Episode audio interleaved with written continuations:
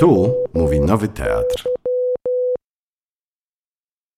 Dzień dobry Państwu. Przepraszamy za króciutkie opóźnienie, małe problemy techniczne, ale już zaczynamy. E, witam Państwa na debacie pod tytułem Byliśmy głupi 2.0, 10 lat po akta.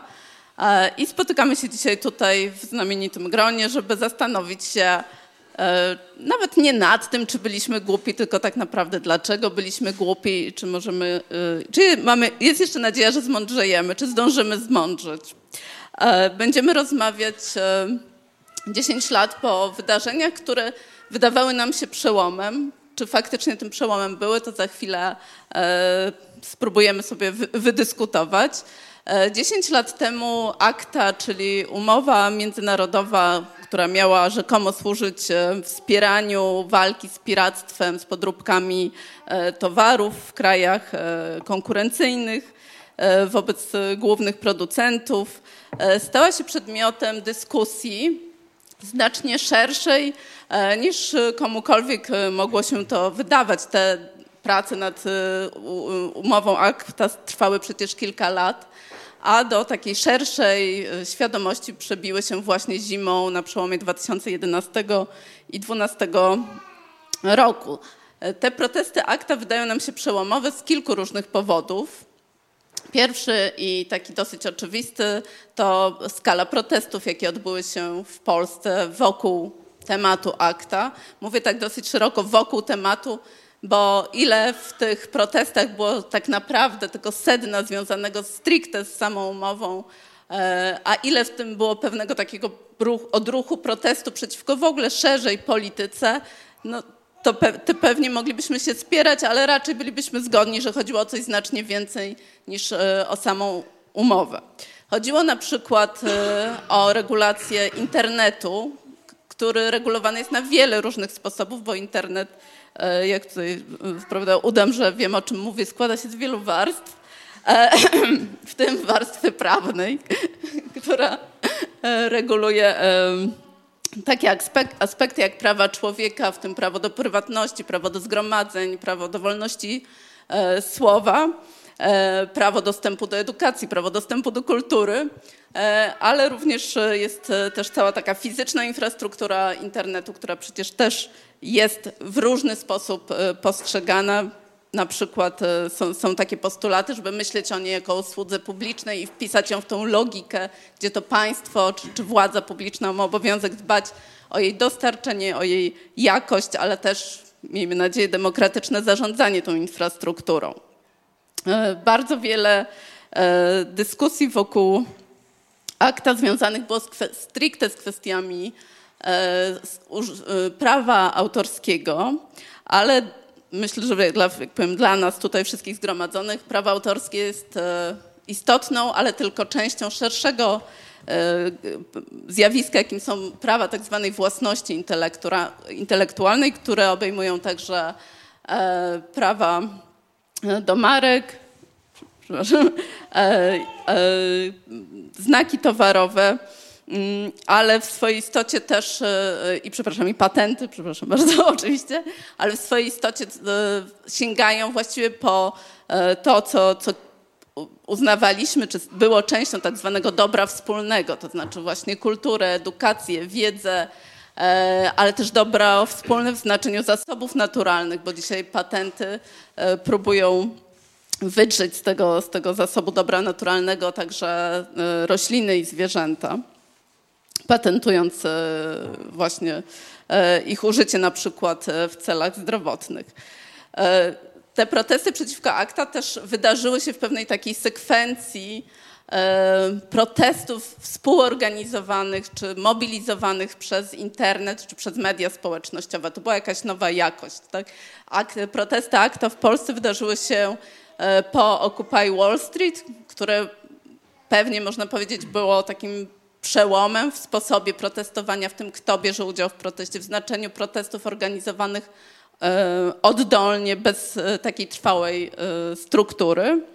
Mm, wydarzyły się też po arabskiej wiośnie, która właśnie zyskała sobie pewnie zupełnie nietrafnie, ale, ale taką nazwę rewolucji twitterowej. następne, następne były też takie znaczące protesty na placu Tahrir. To wszystko wydawało nam się, że będzie oznaczało również pewien taki przełom w aktywizmie.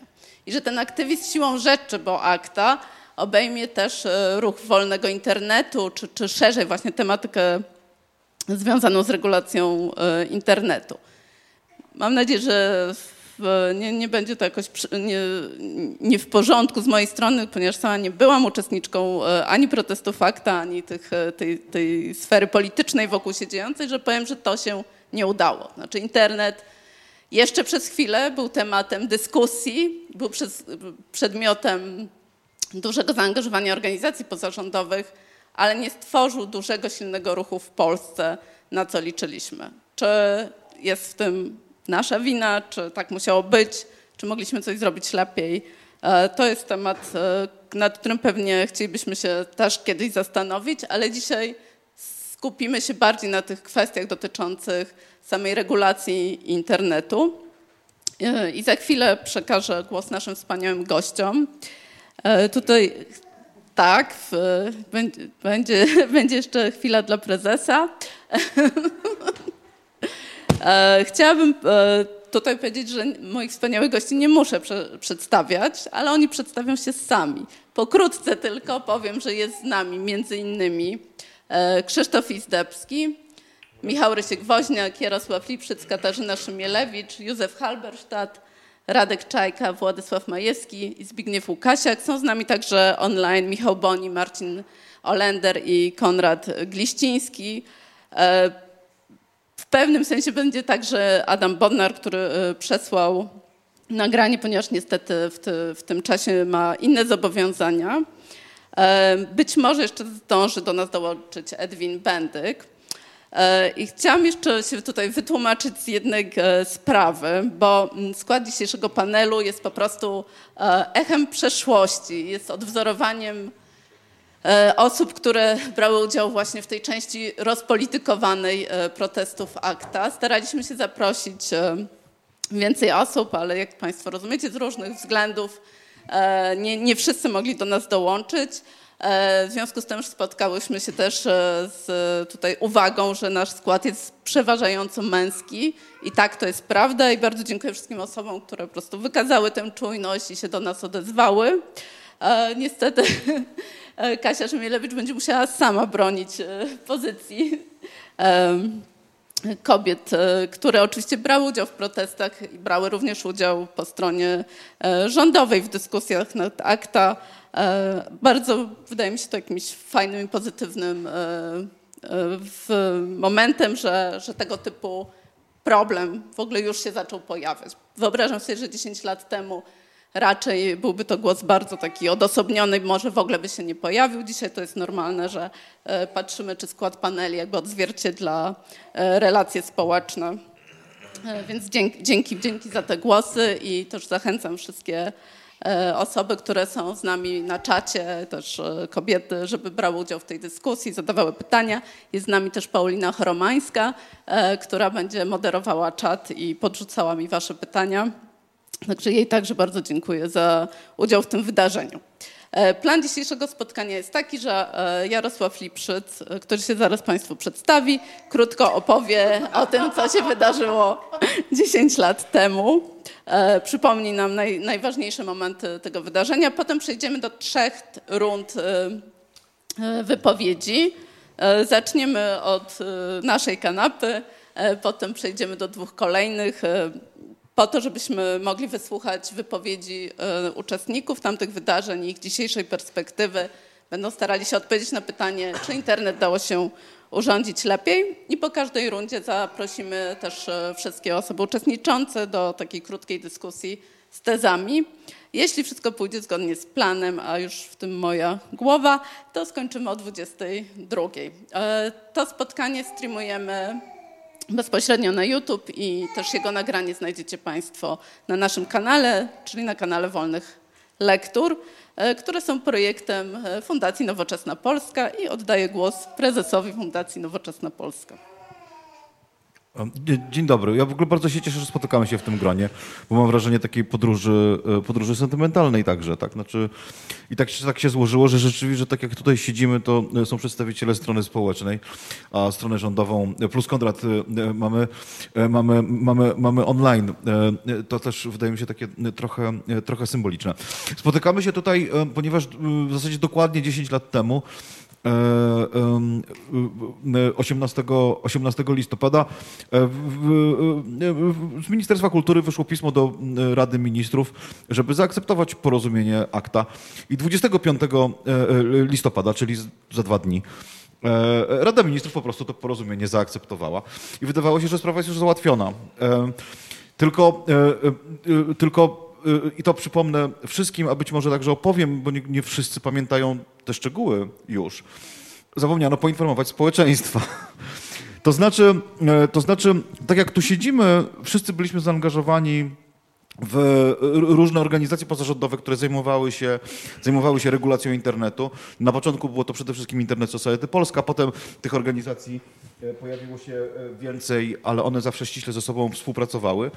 I też od dłuższego, od jakiegoś czasu byliśmy w dosyć dobrej komunikacji z rządem, ponieważ ministrem cyfryzacji został e, Michał Boni, który E, e, który, który po różnych, e, różnych problemach związanych z, z innym projektem rządowym, który nazywał się Rejestr Usług Niedozwolonych, powołał do życia grupę Dialog, w której skład wchodziła mniej więcej połowa uczestników tutaj tego, tego panelu, wchodziła w skład, a jeśli brać pod uwagę także stronę rządową, to więcej niż połowa E, wchodziła w skład grupę Dialog, która miała służyć takiej szybkiej komunikacji e, między rządem a organizacjami zaangażowanymi w dialog dotyczący internetu na temat różnych, na temat różnych aspektów regulacji internetu. I na każdym kolejnym spotkaniu grupy Dialog padało takie pytanie, e, a co z akta? I była taka odpowiedź, nie, nie, akta to jeszcze do w ogóle, były jakieś przecieki, że z zachodu, że ta akta ma nadejść, ale nie zajmujemy się tym. I 19 stycznia było kolejne spotkanie e, grupy Dialog i 19 stycznia padło rytualne pytanie, a co z akta? I wtedy przedstawiciel Ministerstwa Kultury powiedział, nie, to już dawno zaakceptowane. I wtedy e, e, jakby wśród organizacji społecznych, które brały udział w, w tym dialogu społecznym, no jakby przecież pytaliśmy, tak? Bardzo prosiliśmy, zróbcie konsultacje społeczne, zróbcie to jawnie, zróbcie to transparentnie. No e, i tak się złożyło, że, i to też był taki przypadek trochę, że tego dnia e, e, pod Kancelarią Rady Ministrów odbyła się jakaś konferencja prasowa, w każdym razie stało dużo mediów. I przedstawił, no i Piotr Waglowski wyszedł Zobaczył znajomego dziennikarza, e, e, e, nie pamiętam jakiej stacji telewizyjnej, chyba TVN-u. I powiedział, słuchaj, wiesz co, mam dla ciebie taki dobry temat, zrób, nakręć mi taką krótką setkę. I stanął i powiedział, proszę państwa, Właśnie wyszedłem tutaj z kancelarii prezesa Rady Ministrów, gdzie dowiedzieliśmy się, że została podpisana za plecami społeczeństwa umowa międzynarodowa przez Radę Ministrów i zostało wysłane upoważnienie do, do, do podpisania, do parafowania tej, tej umowy. I to jakby była taka iskra, to, to wystąpienie Piotra Waglowskiego, którego nie ma z nami dzisiaj, niestety bardzo zaprosiliśmy go, ale powiedział, że ma inne priorytety w życiu i to obecnie zajmuje się opieką nad dzieckiem i to jest dla niego najważniejsze. Pozdrawiamy, mamy nadzieję, że nas, że nas, że nas, że nas ogląda. To, było, to wystąpienie po prostu okazało się iskrą, która spowodowała, że na przestrzeni kolejnych kilku miesięcy, e, tygodni, miesięcy, e, e, zaczęły, zaczęły najpierw nieśmiało, a potem wybuch, wybuchły protesty. Z początku internetowe, a także potem uliczne. I jedną z rzeczy, która była bardzo charakterystyczna dla, dla tych protestów, że rzeczywiście zaczynały się w internecie. I, i mm, Zgodnie z, zgodnie z zasadą dzisiaj już powszechnie znaną, ale wtedy jeszcze, jeszcze nie, że, że kryzysy, że, kryzys, że, że, że kryzysy y, y, y, wizerunkowe zawsze wybuchają w weekendy. To oczywiście wszystko było w piątek, więc do poniedziałku, kiedy, kiedy strona rządowa się mogła spotkać w pracy, w zasadzie w internecie było pozamiatane. Znaczy już cały internet miał opinię na temat tego, że to była strasznie skandaliczna sprawa. E, to był, bardzo, to był taki bardzo, bardzo specyficzny weekend. Ja pamiętam, że my, że my rzeczywiście w ten piątek się też jakoś spotykaliśmy w, w, w naszym biurze, potem jeszcze w jakichś innych biurach. To było bardzo dużo e, spotkań i takiego gorączkowego, e, gorączkowego, gorączkowego działania. No jak to mówią, reszta jest historią. Ja nawet tą historię sobie wydrukowałem z Wikipedii. Był taki Był taki, było takie słynne zdjęcie Michała Boniego, który właśnie objął urząd, urząd ministra cyfryzacji za biurkiem zawalonym papierami i z podpisem minister cyfryzacji drukuje internet. Więc ja też, ja też przyszedłem z wydrukowanym internetem z wydrukowanym internetem, żeby nie zapomnieć tych wszystkich, tych wszystkich, tych wszystkich dat. I teraz, e, żeby jeszcze przypomnieć, to oczywiście znowu wszyscy pamiętamy i pewnie ten, ale może nie wszyscy widzowie pamiętają, bo też jest, bo 10 lat już jest taki moment, kiedy na przykład są widzowie, którzy, którzy wtedy byli po prostu dziećmi, tak? E, że jakby głównym, jakby były dwa główne problemy związane z akta, i, e, te, te, i które nas szczególnie poruszały. Pierwsze, pier, pierwszy problem to jest problem, który brzmi dosyć znajomo. Znaczy, to, to była umowa, która była procedowana całkowicie nietransparentnie. To znaczy przez całe lata było wiadomo, że ona jest procedowana, ale nie było wiadomo, co jest w środku. Było wiadomo, że ona jest, ale jej przepisy były tajne, były utajnione. Myśmy nie znali przepisów tej umowy. I wysyłaliśmy kolejne wnioski w 2008, 2009, 2010, też do rządu polskiego, tak jak tu siedzimy, tak, to, to, to, to, to, to, to, to za Isoko, nie powiem, pewnie, pewnie Wagla z Władkiem wysyłał, tak, czy z Józefem wnioski o, e, wnioski o udostępnienie informacji publicznej. E, co tam w środku jest? Co jest w tej akta? Przecież Państwo przecież, przecież, dostajecie te, te, te, dokumenty do konsultacji. O, o, co chodzi? Tak? I za razem była odpowiedź, że, no, niestety dokumenty są utajnione. I, ten I co, muszę, co też jest ważne jakby dzisiaj już wiemy bardzo dobrze, umowy międzynarodowe zawsze mają pierwszeństwo przed prawodawstwem krajowym. E, dzisiaj wiemy o tym wszyscy, ponieważ codziennie w telewizji na ten temat jest bardzo długa debata.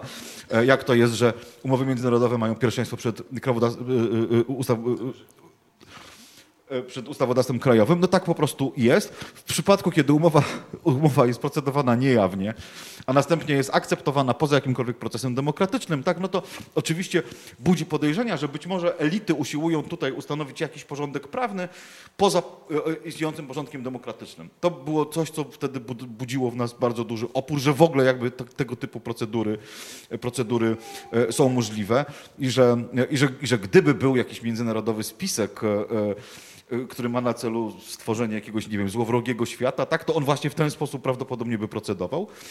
Druga kwestia, którą, która nas, nas, nas bardzo bolała, to była kwestia tego, że my ciągle wierzyliśmy w to, że, że regulacja internetu jest pewnym procesem, w którym uczestniczymy i że im więcej jest umów międzynarodowych, które ten, które, które, które, które betonują jakby ten proces, znaczy uniemożliwiają reformę, nie uniemożliwiają reformę tej prawnej warstwy internetu. I to była, to był, e, e, e oczywiście było jeszcze mnóstwo innych problemów, które mieliśmy z akta, które oczywiście pewnie każdy teraz e, powie, co dla niego było szczególnie skandaliczne w tym wszystkim, ale, ale to są takie, takie myślę dwa, e, dwa, e, dwa główne. To wszystko było dziś, i jak wiemy się udało. W sensie się udało tak, że jakby akta nie, nie zostało, nie, nie weszło nigdy w życie te protesty, które wybuchły, ze szczególną jakby wybuchły w Polsce, potem wybuchły w innych krajach europejskich, e, e, e, a potem sprawa stała się już tak politycznie śmierdzącym jajkiem, że, że, już, te, że już akta uchwalić się nie dało. Czy to coś zmieniło? To jest, myślę, kwestia do dyskusji i zapraszam do dyskusji. Dziękuję za to wprowadzenie. E, tak, rzeczywiście wspomniałeś o tym kontekście polskim i europejskim, ale akta też wydarzyła się w kontekście protestów e, w Stanach Zjednoczonych, gdzie jednocześnie procedowano inne, tak jest, e, umowy międzynarodowe, dokładnie w tym samym paradygmacie, czyli umowy tajne, umowy bez udziału w ogóle strony pozarządowej. Tak zresztą powstało porozumienie TRIPS, też e, budujące jakby to, to międzynarodowy system e, ochrony e, czy promowania praw własności intelektualnej. Mm, więc akta, akta było po prostu kolejnym przykładem bardzo, bardzo chorego systemu. Wydaje mi się, że, że rzeczywiście ta świadomość, że coś jest nie tak i pewne procesy toczą się całkowicie poza kontrolą demokratyczną z nami została. Więc tutaj chciałam powiedzieć, że byliśmy głupi, ale, ale, ale też się nauczyliśmy paru rzeczy i mam nadzieję, że o, o tym też e, e, będziemy mieli chwilę, żeby e, powiedzieć. Teraz przejdziemy do pierwszej grupy wypowiedzi. Zaczniemy od krótkiego nagrania od Adama Bodnara, byłego rzecznika praw obywatelskich, który w trakcie protestów przeciw akta był reprezentował stronę społeczną, Helsińską Fundację Praw Człowieka, brał udział także w takim nieformalnym kongresie który właśnie próbował jakby tutaj e, zbudować pewien, e, jakby poszerzyć informacje, stworzyć taką e, forum do dyskusji właśnie tej strony społecznej, nie, za, nie, nie będącej udziałem, zapraszanej do udziału w negocjowaniu samego akta. Bardzo proszę teraz o nagranie. Tutaj możecie Drodzy, minęło 10 lat, odkąd w Warszawie i w innych miastach Polski odbywały się protesty dotyczące E, akta. Były to protesty niezwykle intensywne. Towarzyszyła temu pogłębiona debata publiczna na temat granic wolności słowa e, w internecie, relacji pomiędzy własnością intelektualną a wolnością słowa i w ogóle tego, czy internet może być e, wolny. Dziesięć lat upłynęło, świat się zmienił. Teraz tak naprawdę mam wrażenie, że nie tyle boimy się tego typu restrykcji, co raczej siły gigantów technologicznych, tej wielkiej czwórki, która E, zarządza mediami społecznościowymi, wyszukiwarkami i e, ma wpływ na to, jak funkcjonuje nasze społeczeństwo e, informacyjne. Boimy się tego, czy wolność słowa mm, nie ulegnie zakłóceniu ze względu na powszechną postprawdę i dezinformację. Natomiast to, co najbardziej pamiętam z tamtych lat, z, tych, z tego okresu burzliwego grudnia, stycznia 2011-2012, to jest oddanie sprawie szeregu działaczy, ekspertów, ekspertek społeczeństwa obywatelskiego. Piotr Waglowski, Jarosław Lipszyc, Katarzyna Szymielewicz, Wojciech Wiewiórowski, e, Michał Woźniak, mnóstwo innych osób, które były zaangażowane, ale które także doprowadziły do rzeczywistego dialogu z władzą. E, pamiętam e, słynne spotkanie Donalda Tuska i Michała Boniego z przedstawicielami społeczeństwa obywatelskiego, naukowcami, które to spotkanie pokazywało, że władza, jeżeli chce, to może z obywatelami e, dyskutować i teraz byśmy sobie życzyli e, tego typu standardów. I najważniejsze jest to, że w tym gronie społeczeństwa obywatelskiego przy, przetrwało przywiązanie do wartości, e, że wciąż służymy tym wartościom, jakimi jest wolność słowa, wolny internet, otwarty dostęp oraz brak nadmiernych ograniczeń w zakresie naszej samorealizacji w internecie i o tym pamiętajmy 10 lat po protestach w sprawie akta. Pozdrawiam Was serdecznie. Dziękuję i przekazuję głos Józefowi Halberstadtowi z prośbą o krótkie przedstawienie się.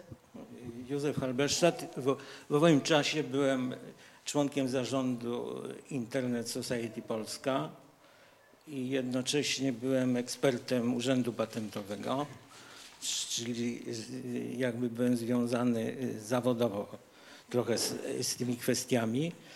Y, obecnie w dalszym ciągu jestem tym ekspertem, aczkolwiek mam, y, że tak powiem, bardzo poważne trudności z tym, żeby kontynuować tą funkcję.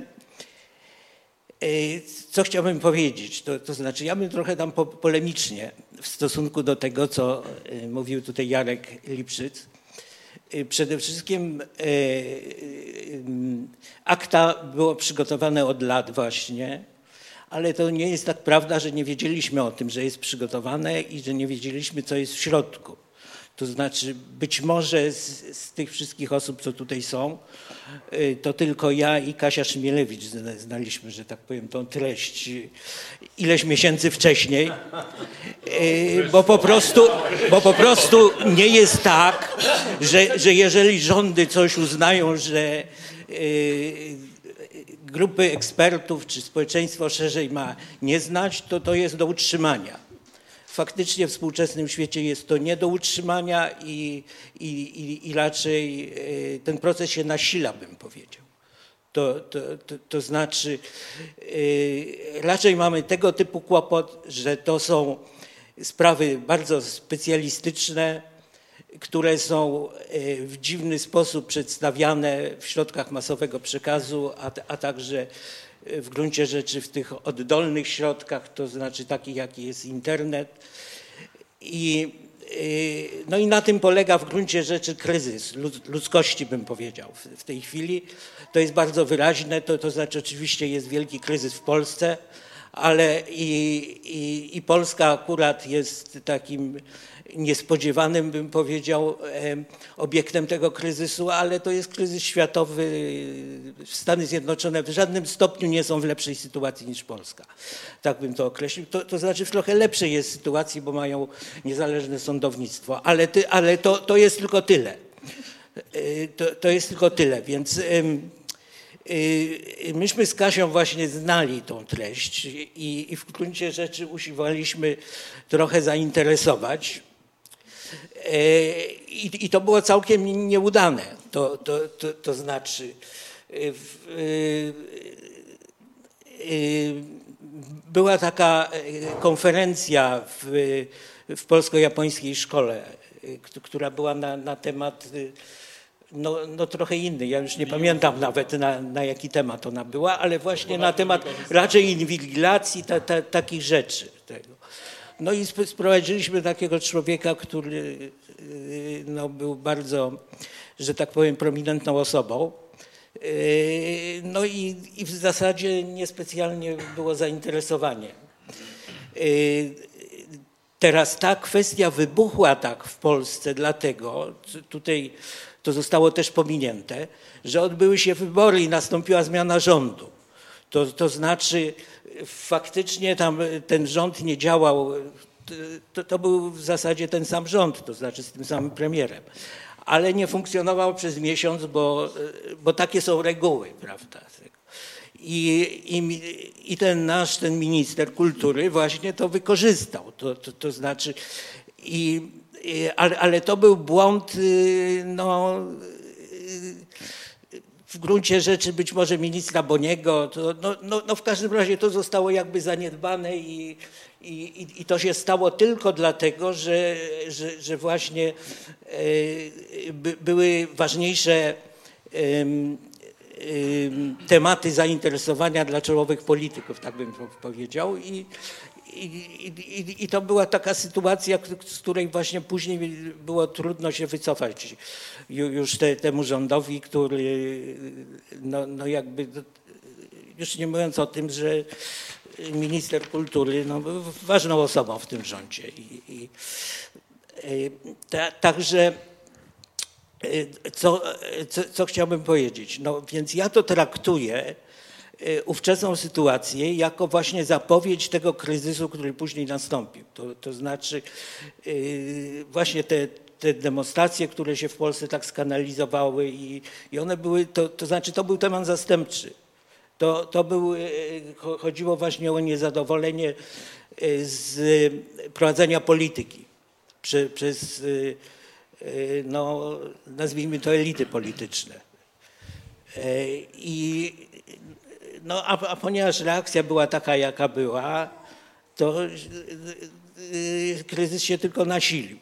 Teraz, je, jeśli chodzi o samą treść tego porozumienia, y, ono nie było całkiem rewelacyjne, że tak powiem. Tam w gruncie rzeczy było powtórzone różne rzeczy, które są w innych porozumieniach międzynarodowych tyczące własności intelektualnej, to znaczy handlu, w tych rozdziałach, które tyczą własności intelektualnej. Po prostu zostały zebrane pewne rzeczy i y, w, w odrębny traktat.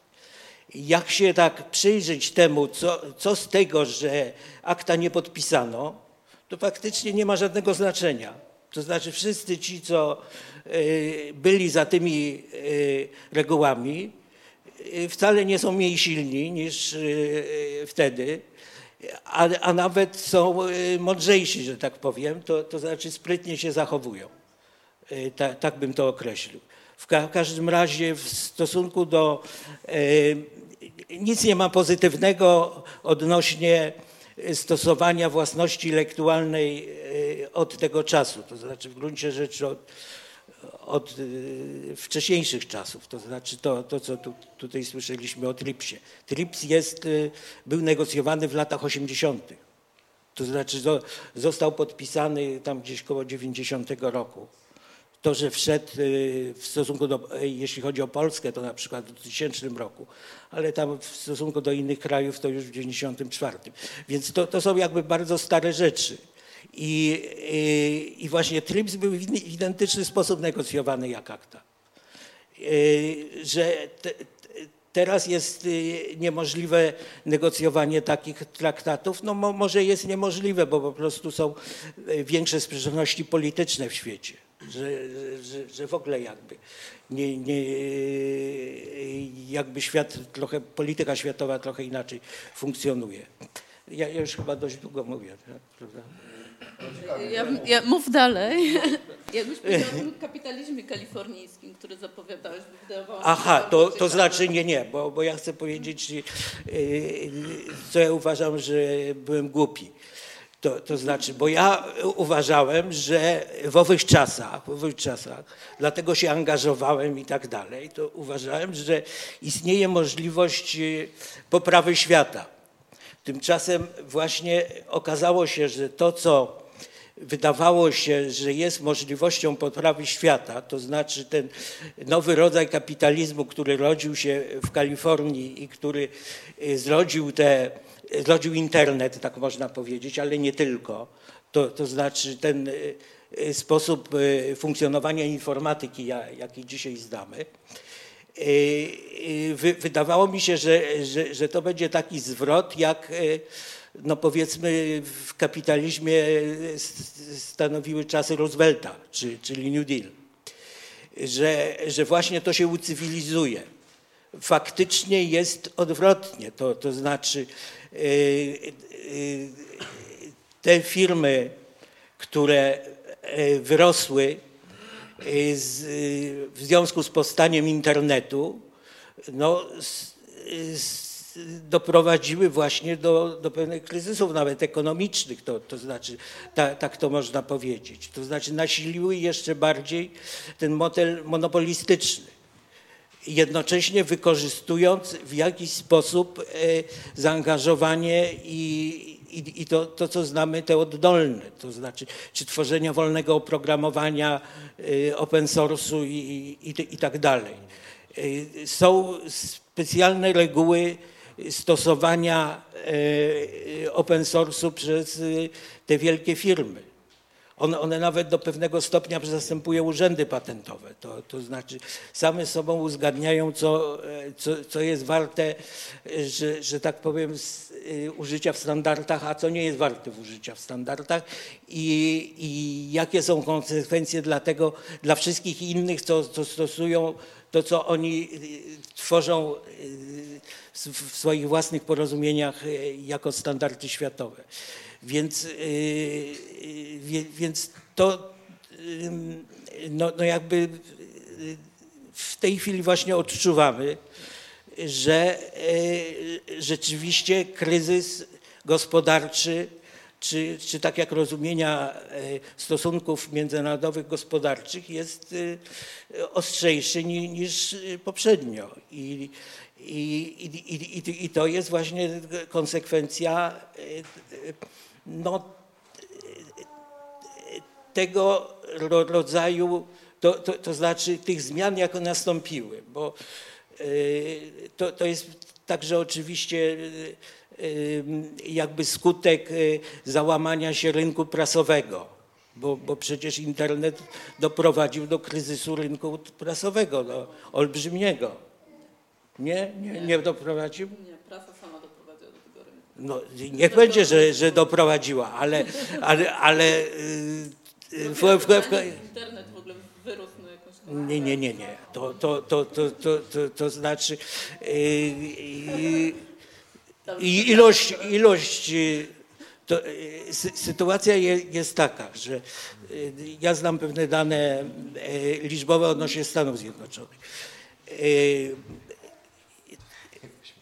zwolniono kilkadziesiąt tysięcy dziennikarzy i, i, i upadła wielka liczba gazet.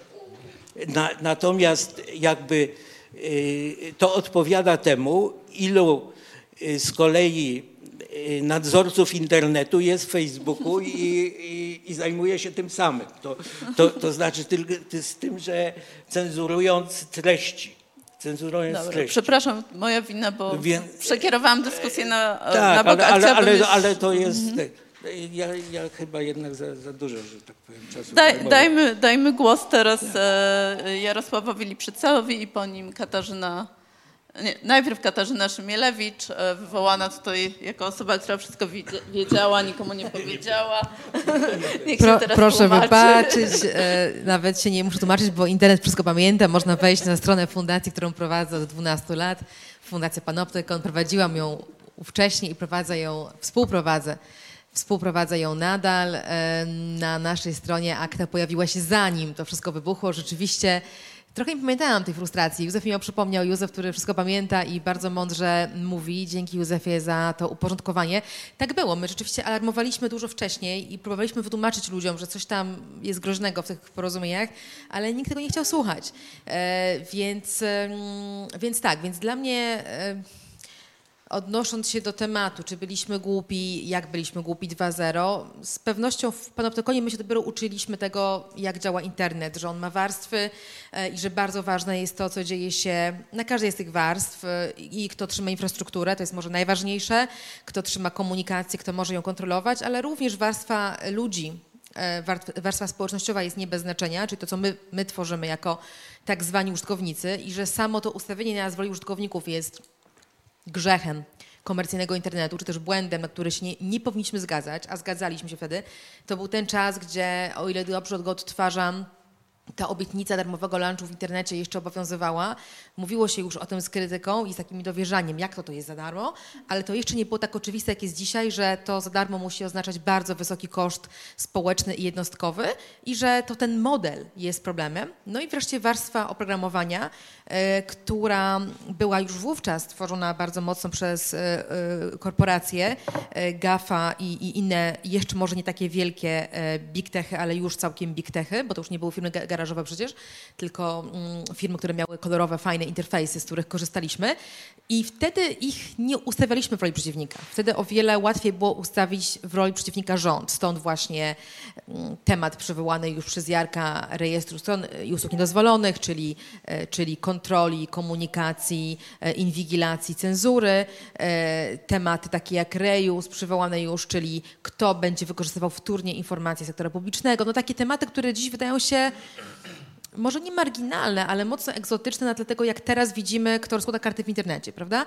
I więc jeżeli w czymś byliśmy głupi, to myślę, że w rozłożeniu akcentów, że te akcenty jednak były rozłożone tak, że to rząd był, rząd, rządy były w centrum batalii o internet, a nie te firmy, które już wówczas rozkładały karty, już wówczas przejmowały kontrolę nad infrastrukturą i zaburzały nam to, czym internet miał być, czyli, czyli e, tę koncepcję bazową takiej infrastruktury, do której każdy się może podpiąć i może z niej korzystać i może i wysyłać informacje i odbierać. To już wówczas było mocno przez te firmy zaburzone, a my nie to atakowaliśmy.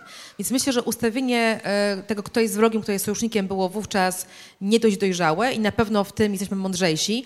Dzisiaj te batalie polityczne są kompletnie inne i o tym mówił na początku naszej dyskusji Adam Bodnar, e, stąd właśnie regulacje dotyczące platform właśnie bardziej niż rządów. Ciekawe jest to, że ja nie, nie dalej chyba jak w piątek, e, myśląc o tym, co my zrobimy w tej batalii, która teraz się dzieje, czyli w batalii przeciwko platformom, gdzie znowu trochę przegrywamy, bo znowu trochę jest tak, że lobbying firm technologicznych ma się bardzo dobrze, ma się jeszcze lepiej, pieniądze są zupełnie w innej skali, tak? Już przy akta było ciężko i można byłoby długo mówić o tym, jak się czuliśmy mali wtedy e, i otoczeni przez lobbystów, e, ale takich hollywoodzkich, prawda, tych amerykańskich, tych mitycznych już dzisiaj lobbystów branży wydawniczej, branży branży wideo, tak? czyli dinozaury lobbingu o internet. No dzisiaj e, karty w lobbingu rozkładała oczywiście ta wielka czwórka i ich budżety dyktują warunki. I ja też myślę dzisiaj, co my możemy jeszcze zrobić. Pamiętam, że przy akta, no właśnie, pomagali, przeszkadzali, to o tym może jeszcze za chwilę ludzie, ale byli ludzie byli ludzie, teraz ludzi w zasadzie nie ma. Bo ten proces, o którym też któryś z Was już mówił, chyba Jarek Lipszyc, że i Józef też, że to jest tak potwornie niezrozumiałe. To, o co my walczymy, zawsze w momencie walki jest niezrozumiałe. I to już nie, tu już nie byliśmy głupi, tutaj to jest dla mnie mądrość, jaka wypływa z lekcji akta. To jest mądrość na temat komunikacji politycznej i komunikacji w ogóle. Tak? My nie umieliśmy jako eksperci przekazać społeczeństwu, o co toczy się gra. Społeczeństwo internetowe, sieciowe nas może nie, nie to, że nie chciało słuchać, ono nie miało nas gdzie słuchać i jak słuchać. Nie było kanałów takiej komunikacji masowej. Komunikacja masowa szła przez media i idzie przez media tradycyjne albo przez Twittery i Facebooki. Oba się nie nadają, oba kanały. Media tradycyjne robią e, papkę na swój sposób i roz, roz, roz, rozmiażdżają tak, ten nasz przekaz na jakieś pojedyncze słowa kluczowe. Cenzura, inwigilacja, internet, zły rząd, internauci, coś. Nikt z tego nic nie rozumie. To w ogóle nie jest żaden komunikat. Twitter, Facebook w zasadzie niewiele lepiej, jeszcze więcej emocji, może więcej tekstu, może większa różnorodność, może większe spektrum komunikatów, ale również nie ma możliwości przekazania całej, opowiedzenia całej historii. I tak jak wtedy nie umieliśmy jej opowiedzieć, o co tak naprawdę toczyła się gra, i być może nawet to było, to było nieinteresujące. Trzeba byłoby to uznać, że to jest nieinteresujące dla ludzi tak naprawdę. Tak samo dzisiaj, kiedy mamy inną batalię przed sobą o regulację platform i o upodmiotowienie tych userów, o odebranie mm, platformom internetowym kontroli nad naszymi danymi i nad algorytmami, które są jeszcze ważniejsze niż były wtedy, e, bo to one profilują nasze doświadczenie w sieci, to one nam ustawiają cały ten user experience. Jeżeli chcemy z tego wyjść, musimy zrozumieć, na czym polega problem i musimy wymyślić rozwiązanie. Ani rozumienie nie jest proste, ani rozwiązanie nie jest proste. To jest godzinny wykład przynajmniej. Kto go będzie słuchał, gdzie go opowiadać, e, jakimi słowami, prawda? Więc to jest... I tak samo patrzę na Michała Boniego, który na pewno przebiera e, rękami, żeby się odezwać i cieszę się bardzo na jego głos. Na pewno będzie bardzo e, dobrze rzucał światło na pozycję, w jakiej wtedy był rząd, ale rząd też miał tę barierę, prawda? Być może rząd nawet chciał to konsultować, może nawet chciał rozmawiać, ale ani kultura nie była wtedy jeszcze polityczna na takim, mm, wybaczcie, na takim poziomie konsultacji. no teraz jak, nie ma... Jak się, oka... jak, jak się okazało, jak, znaczy jak się okazało, to był absolutnie szczytowy moment. To prawda, e, to prawda. Nam się wydawało, że te standardy są za niskie, teraz dzisiaj wiemy, że że, że, że trudno im będzie sprostać kiedykolwiek w przyszłości. Tak? E, no, chciałam powiedzieć coś innego, powiedzieć to, że oczekiwania tak, dotyczące tego, jak się konsultuje ludzi e, i włącza, może wtedy nawet nie były tak wysokie, jak stały się chwilę później. E, teraz możemy tylko opłakiwać czasy, w których ten dialog był w ogóle możliwy, ale podkreślam problem. Problem polegający na, na y, ogromnym, bardzo wysokim poziomie merytorycznym tej dyskusji, do której trochę nie ma jak dopuścić ludzi spoza pewnej bańki eksperckiej.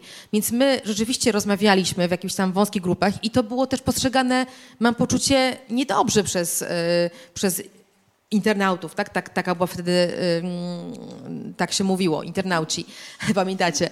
E, dość śmieszna koncepcja. No właśnie, ale ludzie obserwujący to mówili, a co wy tam robicie w tych gabinetach, z kim wy tam gadacie? I my sami, kiedy akta wybuchła na dobre i premier nas zapraszał do dialogu, odmówiliśmy dialogu, mówiąc, że nie w gabinecie, tylko w internecie chcemy dialog, tak? My też nie poszliśmy na tak zwane salony, żeby nie być znowu y, potem y, krytykowani za taki ruch, ale też wiedząc, że to będzie ustawka, że to nie będzie poważna dyskusja. No ale pytanie jest, jak prowadzić poważną dyskusję, czy w internecie, czy w gabinecie, nieważne, gdzieś, czy w mediach, na takie tematy. I ten problem, on nie jest mniej aktualny i to jest być może gorzka młodość, jaka wynika z akta, że tego chyba nie da się dobrze rozwiązać w momencie, kiedy żyjemy w epoce popiśmiennej, jak mówi Dukaj.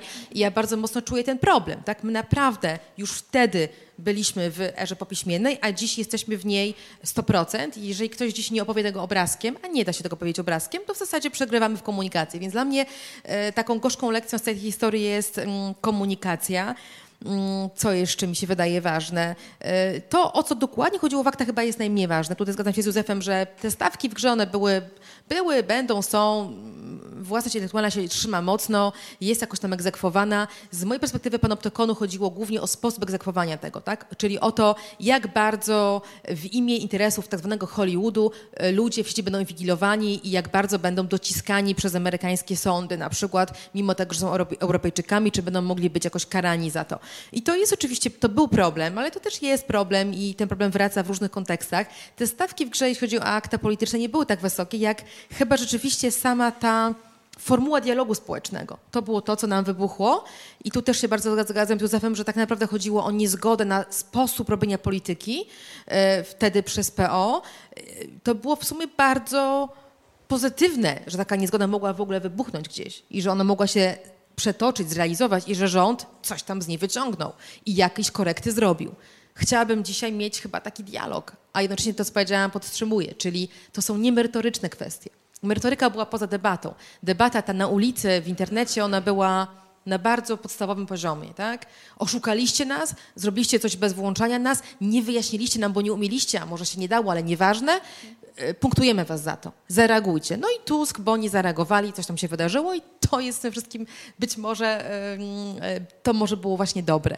A gra o internet toczy się dalej i jest absolutnie, nie jest wygrana, jesteśmy w gorszej sytuacji niż byliśmy wtedy, więc tutaj chyba nie mamy sobie wiele do, do pogratulowania, ale tak, teraz jest czas mobilizacji o wiele ważniejsze niż, niż tamte wokół akta. Mhm, dziękuję. E, rzeczywiście ta kwestia samego języka była też, e, pamiętam, przedmiotem dyskusji wokół akta i potem też takiej pracy, jak opowiadać o tym, co się dzieje wokół internetu. Pamiętam w Fundacji Nowoczesna Polska mieliśmy na cały projekt poświęcony wynajdowaniu e, języka po to, żeby też nie być zakładnikiem tego właśnie uproszczonego opisu produkowanego przez lobbystów, prawda? Bo to nie jest tylko kwestia tego, że był język bardzo taki technokratyczny, ale też był kontrjęzyk wyprodukowany po to, żeby jeszcze bardziej zafałszować te, te relacje społeczne, które były tutaj stawką y, tych protestów. Y, wydaje mi się, że rzeczywiście to napięcie między jakby potrzebą angażowania, mobilizowania y, społeczności, a jednocześnie chyba jakaś taka może nasza wewnętrzna potrzeba bycia właśnie takimi osobami precyzyjnymi, do, widzenie jakby tej naszej roli jako osób informujących o tym, co się dzieje, to napięcie jest cały czas, e, ale chyba tutaj e, trudno, trudno jakiś złoty środek. Pewnie wszystko właśnie to jest trochę taka partyzancka próbowanie tego języka, szukanie symboliki też takiej wizualnej.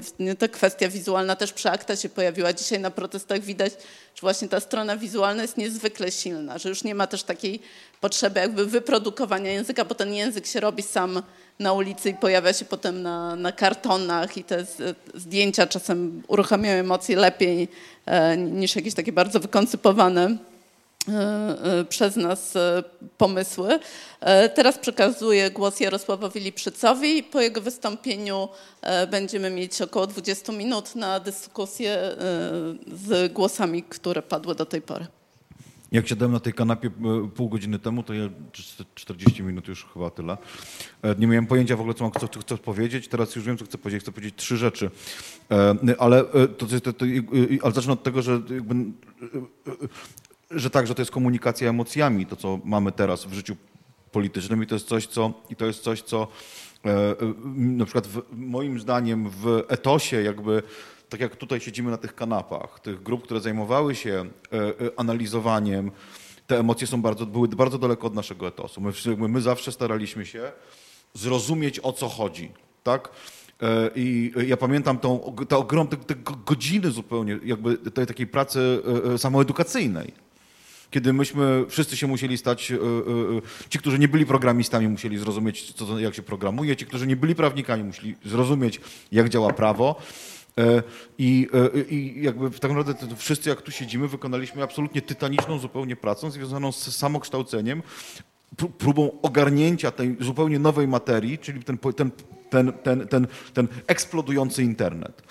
I e, w oczywisty sposób myśmy mieli problem z komunikacją tego, do, tak jak powiedziałeś, ulicy, i wydaje mi się, że do dziś, jakby, że tutaj ponieśliśmy klęskę całkowitą. Znaczy, znaczy to, że, to, że mamy 2021 rok i ludziom trzeba tłumaczyć, że oni w, w domu mają nie dwa komputery, tylko pe pewnie bliżej setki, a w, y, y, ponieważ ludzie nie, w 2021 roku ludzie nie wiedzą, co to jest komputer, y, to, że ludzie myślą, że aplikacja i program to są dwie różne rzeczy, w roku 2021, to są jakby, wiecie, to jest w zasadzie śmieszne, tylko w ogóle nie śmieszne, dlatego że to oznacza... Apka, apka jest trzecią rzeczą. Apka jest prawdopodobnie. To jest... To jest, to jest, jakby mówię o tym, dlatego żeby pokazać, że tak naprawdę, tak naprawdę jesteśmy w pokoju pełnym już nawet luster i dymu i, e, e, i, i, nasza, i nasza, nasza, nasza praca ludzi, którzy, którzy chcieliby jakby zrobić porządek, jest nie do wygrania. Znaczy jest nie do wygrania w świecie, w którym rządzą emocje i budżety reklamowe oraz decyzje o tym, co ludzie widzą, podejmują automaty, które zostały zaprogramowane wcześniej przez ludzi, którzy bardzo dobrze wiedzą, jak z, wycisnąć z tego maksymalną ilość pieniędzy. I, y, y, i, i, i, ten. Więc to jest jakby, to jest jakby to, to a propos języka, to jest pierwsza rzecz. Druga rzecz jest taka, że kiedy zastanawiałem, bo zastanawiałem się, dlaczego, gdzie byliśmy głupi w którym miejscu byliśmy głupi. Wiem doskonale, gdzie ja byłem głupi chyba najgłupszy. To było wtedy, kiedy, kiedy, kiedy cały czas myślałem o tym, w jaki sposób próbować uratować ten internet, który pokochałem. Bo był taki internet, który ja pokochałem i to był internet, który pokochałem gdzieś w drugiej połowie lat 90., który rzeczywiście był internetem rozproszonym. Tak naprawdę całe lata 2000 to był proces centralizacji tego internetu skrajnie rozproszonego. To był proces, który, który, który mnie bolał, no bo to ktoś, kto jakby był internet, który kochałem i ten internet był mi zabierany. I tak naprawdę kiedy zastanawiam się dzisiaj, jakby, nad czym spędziłem po prostu spory kawałek swojego życia, tak? Znaczy, myślę, że to dobrze ponad, ponad, ponad dekadę e, takiej działalności aktywistycznej, że to nie mogło się powieść, dlatego że, e, dlatego, że e, Dlatego że, dlatego, że próbowałem uratować ten internet rozproszony, zamiast usiłować, usiłować, usiłować wprowadzić dobre, porządne, uczciwe, sprawiedliwe normy, tego internetu scentralizowanego. E, I to był powód, to jest to, co Kasia powiedziała, kiedy żeśmy, dlaczego żeśmy ponieśli w pewnym sensie klęskę, dlatego, że naszym, dlatego, że żeśmy, to jest tak naprawdę, ja mówię, co powtarzam to samo, żeśmy źle zdefiniowali, być może źle zdefiniowaliśmy naszego wroga. E, być może źle zdefiniowaliśmy to pole, na którym e, toczy się batalia. To, co mnie ewentualnie pociesza, to, że nie byłem sam. Próbuję sobie gorączkowo przypomnieć nazwisko nazwisko programisty, który na jednym ze spotkań grupy Dialog e, powiedział Tuskowi, właśnie opowiedział mu o tym internecie, o tym internecie, który pamiętamy i Tusk powiedział, proszę pana, tego internetu już dawno nie ma. I ja tam siedziałem i pomyślałem sobie, pomyślałem sobie, pomyślałem sobie, że, że, że, że e, e, że no może to jest właśnie część problemu.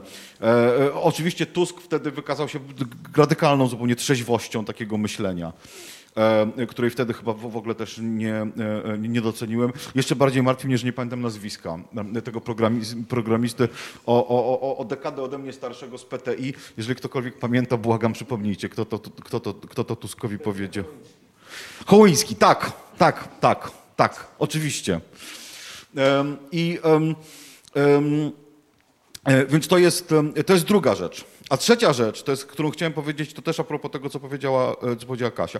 Kasia zorganizowała e, cudowną zupełnie imprezę. Oczywiście nie sama, ale, to, ale, ale, ale e, zliczone będą czyny i rozmowy, to Kasia to zaproponowała, żeby, żeby, zrobić, żeby zrobić kongres wolnego internetu. E, e, a, e, a Kongres Wolnego Internetu był, był wymyślony jako, jako, jako, jako spotkanie ludzi, którzy organizują i uczestniczą w ulicznych protestach. Otóż ja, i, to jest, i to było bardzo ciekawe doświadczenie, dlatego że myśmy siedzieli, kiedy, żeśmy, kiedy ta sprawa tego 19 czy 16 stycznia wybuchła, myśmy siedzieli, pamiętam, w sobotę, przyszliśmy do fundacji Nowoczesna Polska na Marszałkowskiej. Siedzieliśmy, pamiętam, że, pamiętam, że był Wagla, pamiętam, że była Kasia Matuszewska, y, jeszcze parę osób. Y, zaczęliśmy coś, jakieś oczywiście gorączkowo pisanina, bo już internet już, już, już, już, już, już, już ten. I właśnie i, pamiętam, że Kasia Matuszewska powiedziała, słuchajcie, musimy zorganizować jakiś protest. I, i, Wagla, I Wagla, który siedział po prostu w social mediach, powiedział, ale one się już organizują. I, i wtedy był problem, znaczy co zrobić, no to, że te protesty zaczyna, znaczy zaczęły się pojawiać daty, że tu, że wychodzimy, że protestujemy, co z tym zrobić. I e, wtedy, e, wtedy, dobrze pamiętam tak, że Robert Partyka e, e, powiedział, że jest taka dziewczyna, nazywa się Magda Szecówka, zróbmy listę dyskusyjną, zacznijmy tych ludzi zapraszać do jednej listy dyskusyjnej, żeby była, żeby była, e, żeby była komunikacja e, pozioma tak żeśmy zrobili. Magda Szycówka zajęła się organizo- jakby ko ko koordynacją tych wszystkich e, protestów. Magdę Szycówkę pozdrawiamy i tak samo Roberta. Robert na pewno nas ogląda. Magda nie wiem, mam nadzieję, że również. E i e, tak powstała ta siatka tych, tych aktywistów, tych ludzi, którzy organizują te protesty, też usiłują ten. I, I, my byliśmy jakby bardzo długo byliśmy przekonani, że oto razem próbujemy zrobić jakąś zmianę, próbujemy co, o coś walczymy, po czym odbył się, po czym, po czym, po czym, po czym zrobiliśmy ten kongres, tak wszystkie te organizacje pozarządowe się zaangażowały w organizację Ale kongresu. Ale głupi. Ci ludzie, przyje... ci ludzie przyjechali na ten kongres i nas całkowicie odrzucili. W ogóle nie chcieli z nami gadać. Uznali, że my jako organizacje eksperckie jesteśmy tak samo podejrzani jak rząd. Chcieli się spotkać w swoim własnym gronie I innymi słowy, jakby, i, i jakby uznali, że, że, że jakby my jesteśmy również w tym umoczeni. Po pierwsze spotykaliśmy się z tym rządem, z Ale rozmawialiśmy. mieliśmy szybką reakcję na to, bo e, był taki moment w kongresie, jak już go przywołałeś, to tylko to dopowiem, że zostawiliśmy właśnie pole aktawistom. Pamiętam, że Monika Bełdowska, nasza e, w Panoptykonie wtedy wspaniała doradczyni, do dziś zresztą nam doradzająca psycholożka z wykształcenia, ona to ogarnęła, czyli stała się moderatorką aktywistycznego kongresu, z którego my się wycofaliśmy, żeby nas tam młodzież nie rozjechała, ale to był którego- bardzo pouczający moment. z którego w oczywisty sposób nic nie wyszło. Nie- Nic nie wyszło, co też i chyba też nie mogło wyjść, dlatego że, e, dlatego że i to też jest rzecz, którą, którą, którą o tych protestach warto pamiętać. My te protesty organizowaliśmy bardzo silnie, żeśmy to od samego początku e, wymyślili. To, tego nie pamiętam, kto to wymyślił, kto wymyślił że to, żeby protesty robić pod hasłem no logo. Czyli, że e, wszystkie organizacje, e, e, młodzieżówki partyjne, niepartyjne mogą się włączać w organizację, ale na samych protestach nie prezentujemy, e, nie prezentujemy, nie prezentujemy, e, nie prezentujemy e, sz- sztandarów organizacyjnych. I był protest pod, pod siedzibą Komisji Europejskiej na, na, na rogu, na, na Świętokrzyskim. E, I no, ja tam przychodzę, ja tam przychodzę i widzę, że, i widzę, że, że, że, że Młodzież Wszechpolska wy, wy, wyciąga, wyciąga sztandary. Młodzież Wszechpolska, Państwo pewnie nie pamiętają, co, co młodsi, Młodzież Wszechpolska była taką skrajnie, skrajnie prawicową, e, e, skrajnie, pra, skrajnie prawicową, skrajnie prawicową, skrajnie prawicową organizacją e, młodzieżową. e, e, e, e, e, Giertych, dzisiaj gwiazda opozycji, wtedy, e, wtedy, wtedy mocno zaangażowany był, czy właśnie się stamtąd- to, Wtedy już nie, już się stamtąd wymiksował. Wymik, wymiksował. Ja podchodzę do nich i mówię, i mówię, słuchajcie panowie, taka sprawa, że to jednak protest no logo. I wtedy po prostu zupełnie nie, nie, człowiek nie, zupełnie mi nieznajomy e, e, e, e, z, Młodzieży Wszechpolskiej powiedział, oczywiście panie Jarku, bardzo przepraszamy, chłopaki chowamy transparenty. Ja wtedy po- spojrzałem na drugą stronę ulicy, a po drugiej stro, stronie ulicy młodzi socjaliści z, z Zandbergiem na czele właśnie wyciągają banery. No więc ja podchodzę do Zandberga i mówię, słuchajcie, jest taka sprawa, protesty, to słuchajcie, sprawa jest no, no, no logo. I wtedy Zandberg się wyprostował i powiedział, a kim ty jesteś, żeby mi mówić, co mam robić? Pomyślałem sobie, że z Młodzieżą Wszechpolską jednak łatwiej. Ale schowali. Ale schowali. Co oczywiście, mówię tą anegdotę, to jest bardzo zabawna anegdota, ale ona przede wszystkim pokazuje, dlaczego z kongresu aktywistów nie mogło nic wyjść. Znaczy środowisko aktywistów było od skrajnej prawicy po, e, nie wiem, Linusa Lewandowskiego, który jest dzisiaj po prostu ikoną e, ruchu e, praw gejów, tak, który również wtedy był super aktywnym aktywistą, do tego stopnia, że zmienił imię na Linus. Nie muszę tłumaczyć Dlaczego to jest znaczące? Tak jakby e, to, to, to chyba nie, to, politycznie to się nie dało, e, nie, nie dało zrobić. I znowu, jak, gdzie byliśmy głupi, pewnie nam się wydawało, że da się z tego wykuć ruch polityczny, prawdopodobnie gdzieś po linii Partia Piratów, coś takiego, który będzie politycznie który wsta- będzie politycznie w stanie wpłynąć na rozwój internetu. Tak? I to okazało się być z mojego punktu widzenia jakby całkowitą fikcją, mirażem. Zmarnowałem ileś lat życia na, na, na gonienie za tym e, mirażem, chociaż się udać nie mogło. E, Dziękuję za ten ostatni głos w tej części spotkania i zapraszam Was teraz, jeżeli chcielibyście jakoś skomentować e, czy zadać pytania Józefowi, Kasi e, lub e, Jarkowi. Ja też przepraszam od razu, że tak mówimy sobie Michał na Boni ty. Macha. Myślę, że E, Michał Boni, tak. zabrać głos wreszcie, wywołany tylukrotnie, zasługuje naprawdę Dobra, na dopuszczenie ja do głosu w pierwszej kolejności. Dobrze, czyli Michał, potem Krzysztof i potem e, Radek. I to tyle w tej części, a potem przejdziemy do następnych wystąpień. E, Michał, też e, pamiętaj, że masz potem swoje wystąpienie, więc nie spal całej swojej wypowiedzi w tym komentarzu. Nie, nie. Dobrze. Po pierwsze, serdecznie wszystkich witam, E, bo rzeczywiście to, co mówiliście, wywołało różne wspomnienia. Nawet miałem taki moment, kiedy mnie totalnie zmroziło, e, kiedy Józef powiedział o tym, że to właściwie wina Boniego. No bo świeżo powołany minister do spraw cyfryzacji, a tu wybuchają sprawy e, akta. Błąd, to I może e, ja, ja oczywiście o tej, o tej lekcji, jaką wyniosłem, czy wynieśliśmy z akta, będę mówił później.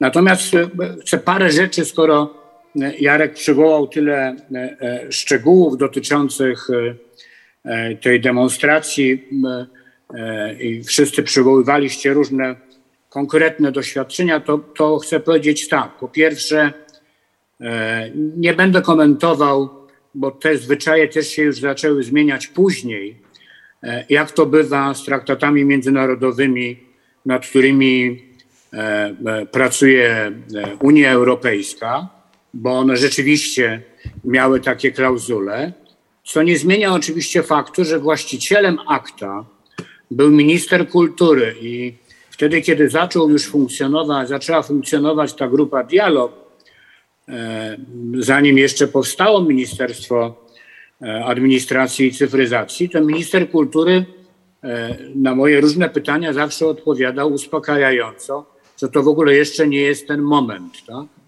Jak pytałem naszych posłów w Parlamencie Europejskim, to też wszyscy mówili, że to jeszcze, jeszcze chwila. E, ja nie mówię tego po to, żeby się usprawiedliwiać, tylko po to, żeby ułożyć pewne zdarzenia w określony ich ciąg. E, mm, rzeczywiście, tak jak ktoś powiedział, Ministerstwo Cyfryzacji było powołane, tak jak wszystkie inne, jak rząd później. E, powód był oczywisty, ponieważ Polska miała wtedy prezydencję w Unii Europejskiej i z różnych powodów wydawało się, że dopiero w końcówce, czyli na tym przełomie listopada, grudnia, e, rząd można powołać. Po drugie, minister kultury skorzystał z bardzo wygodnego dla siebie rozwiązania, a mianowicie przedstawił akta do akceptacji Rady Ministrów w modelu akceptacja obiegiem. To oznacza, że nie jest to element dyskusji otwartej na posiedzeniu Rady Ministrów, bo nie jest to punkt wniesiony, tylko krąży to tak między urzędnikami. I oczywiście mój błąd, że nie znalazłem tego, e, albo też nie dostałem od swojej wtedy dopiero tworzącej się ekipy sygnału. Tak? Natomiast w momencie, kiedy, e, i to był już początek stycznia, zaraz na przełomie pierwszej i drugiej dekady stycznia, kiedy dostałem sygnał o tym, że to przeszło obiegiem, ale że rodzi różnego rodzaju zagrożenia. Napisałem taki list, którego zresztą nigdy nie publikowałem, ale w formie listu do Donalda Tuska, premiera, e, listując tam wszystkie zagrożenia, które z podpisania akta mogą wynikać i które pokrywają się z tym, co zresztą później było przedmiotem e, e, protestów. Po tym liście Tusk mnie zaprosił i zaprosił Zdrojewskiego. I podjął taką decyzję, i to było chyba czwartek przed, tą, przed tym piątkiem i sobotą, podjął taką, moja sugestia była taka, żeby ogłosić publicznie, że nie podpisujemy aktu. E, w tej dyskusji Zdrojewski, ja i Tusk, argumenty Zdrojewskiego w tym ówczesnym myśleniu Tuska przeważyły.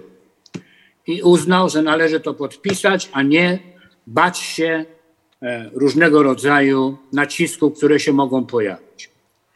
I stało się tak, jak się stało. Tak? To znaczy, e, e, doszło do tych zdarzeń.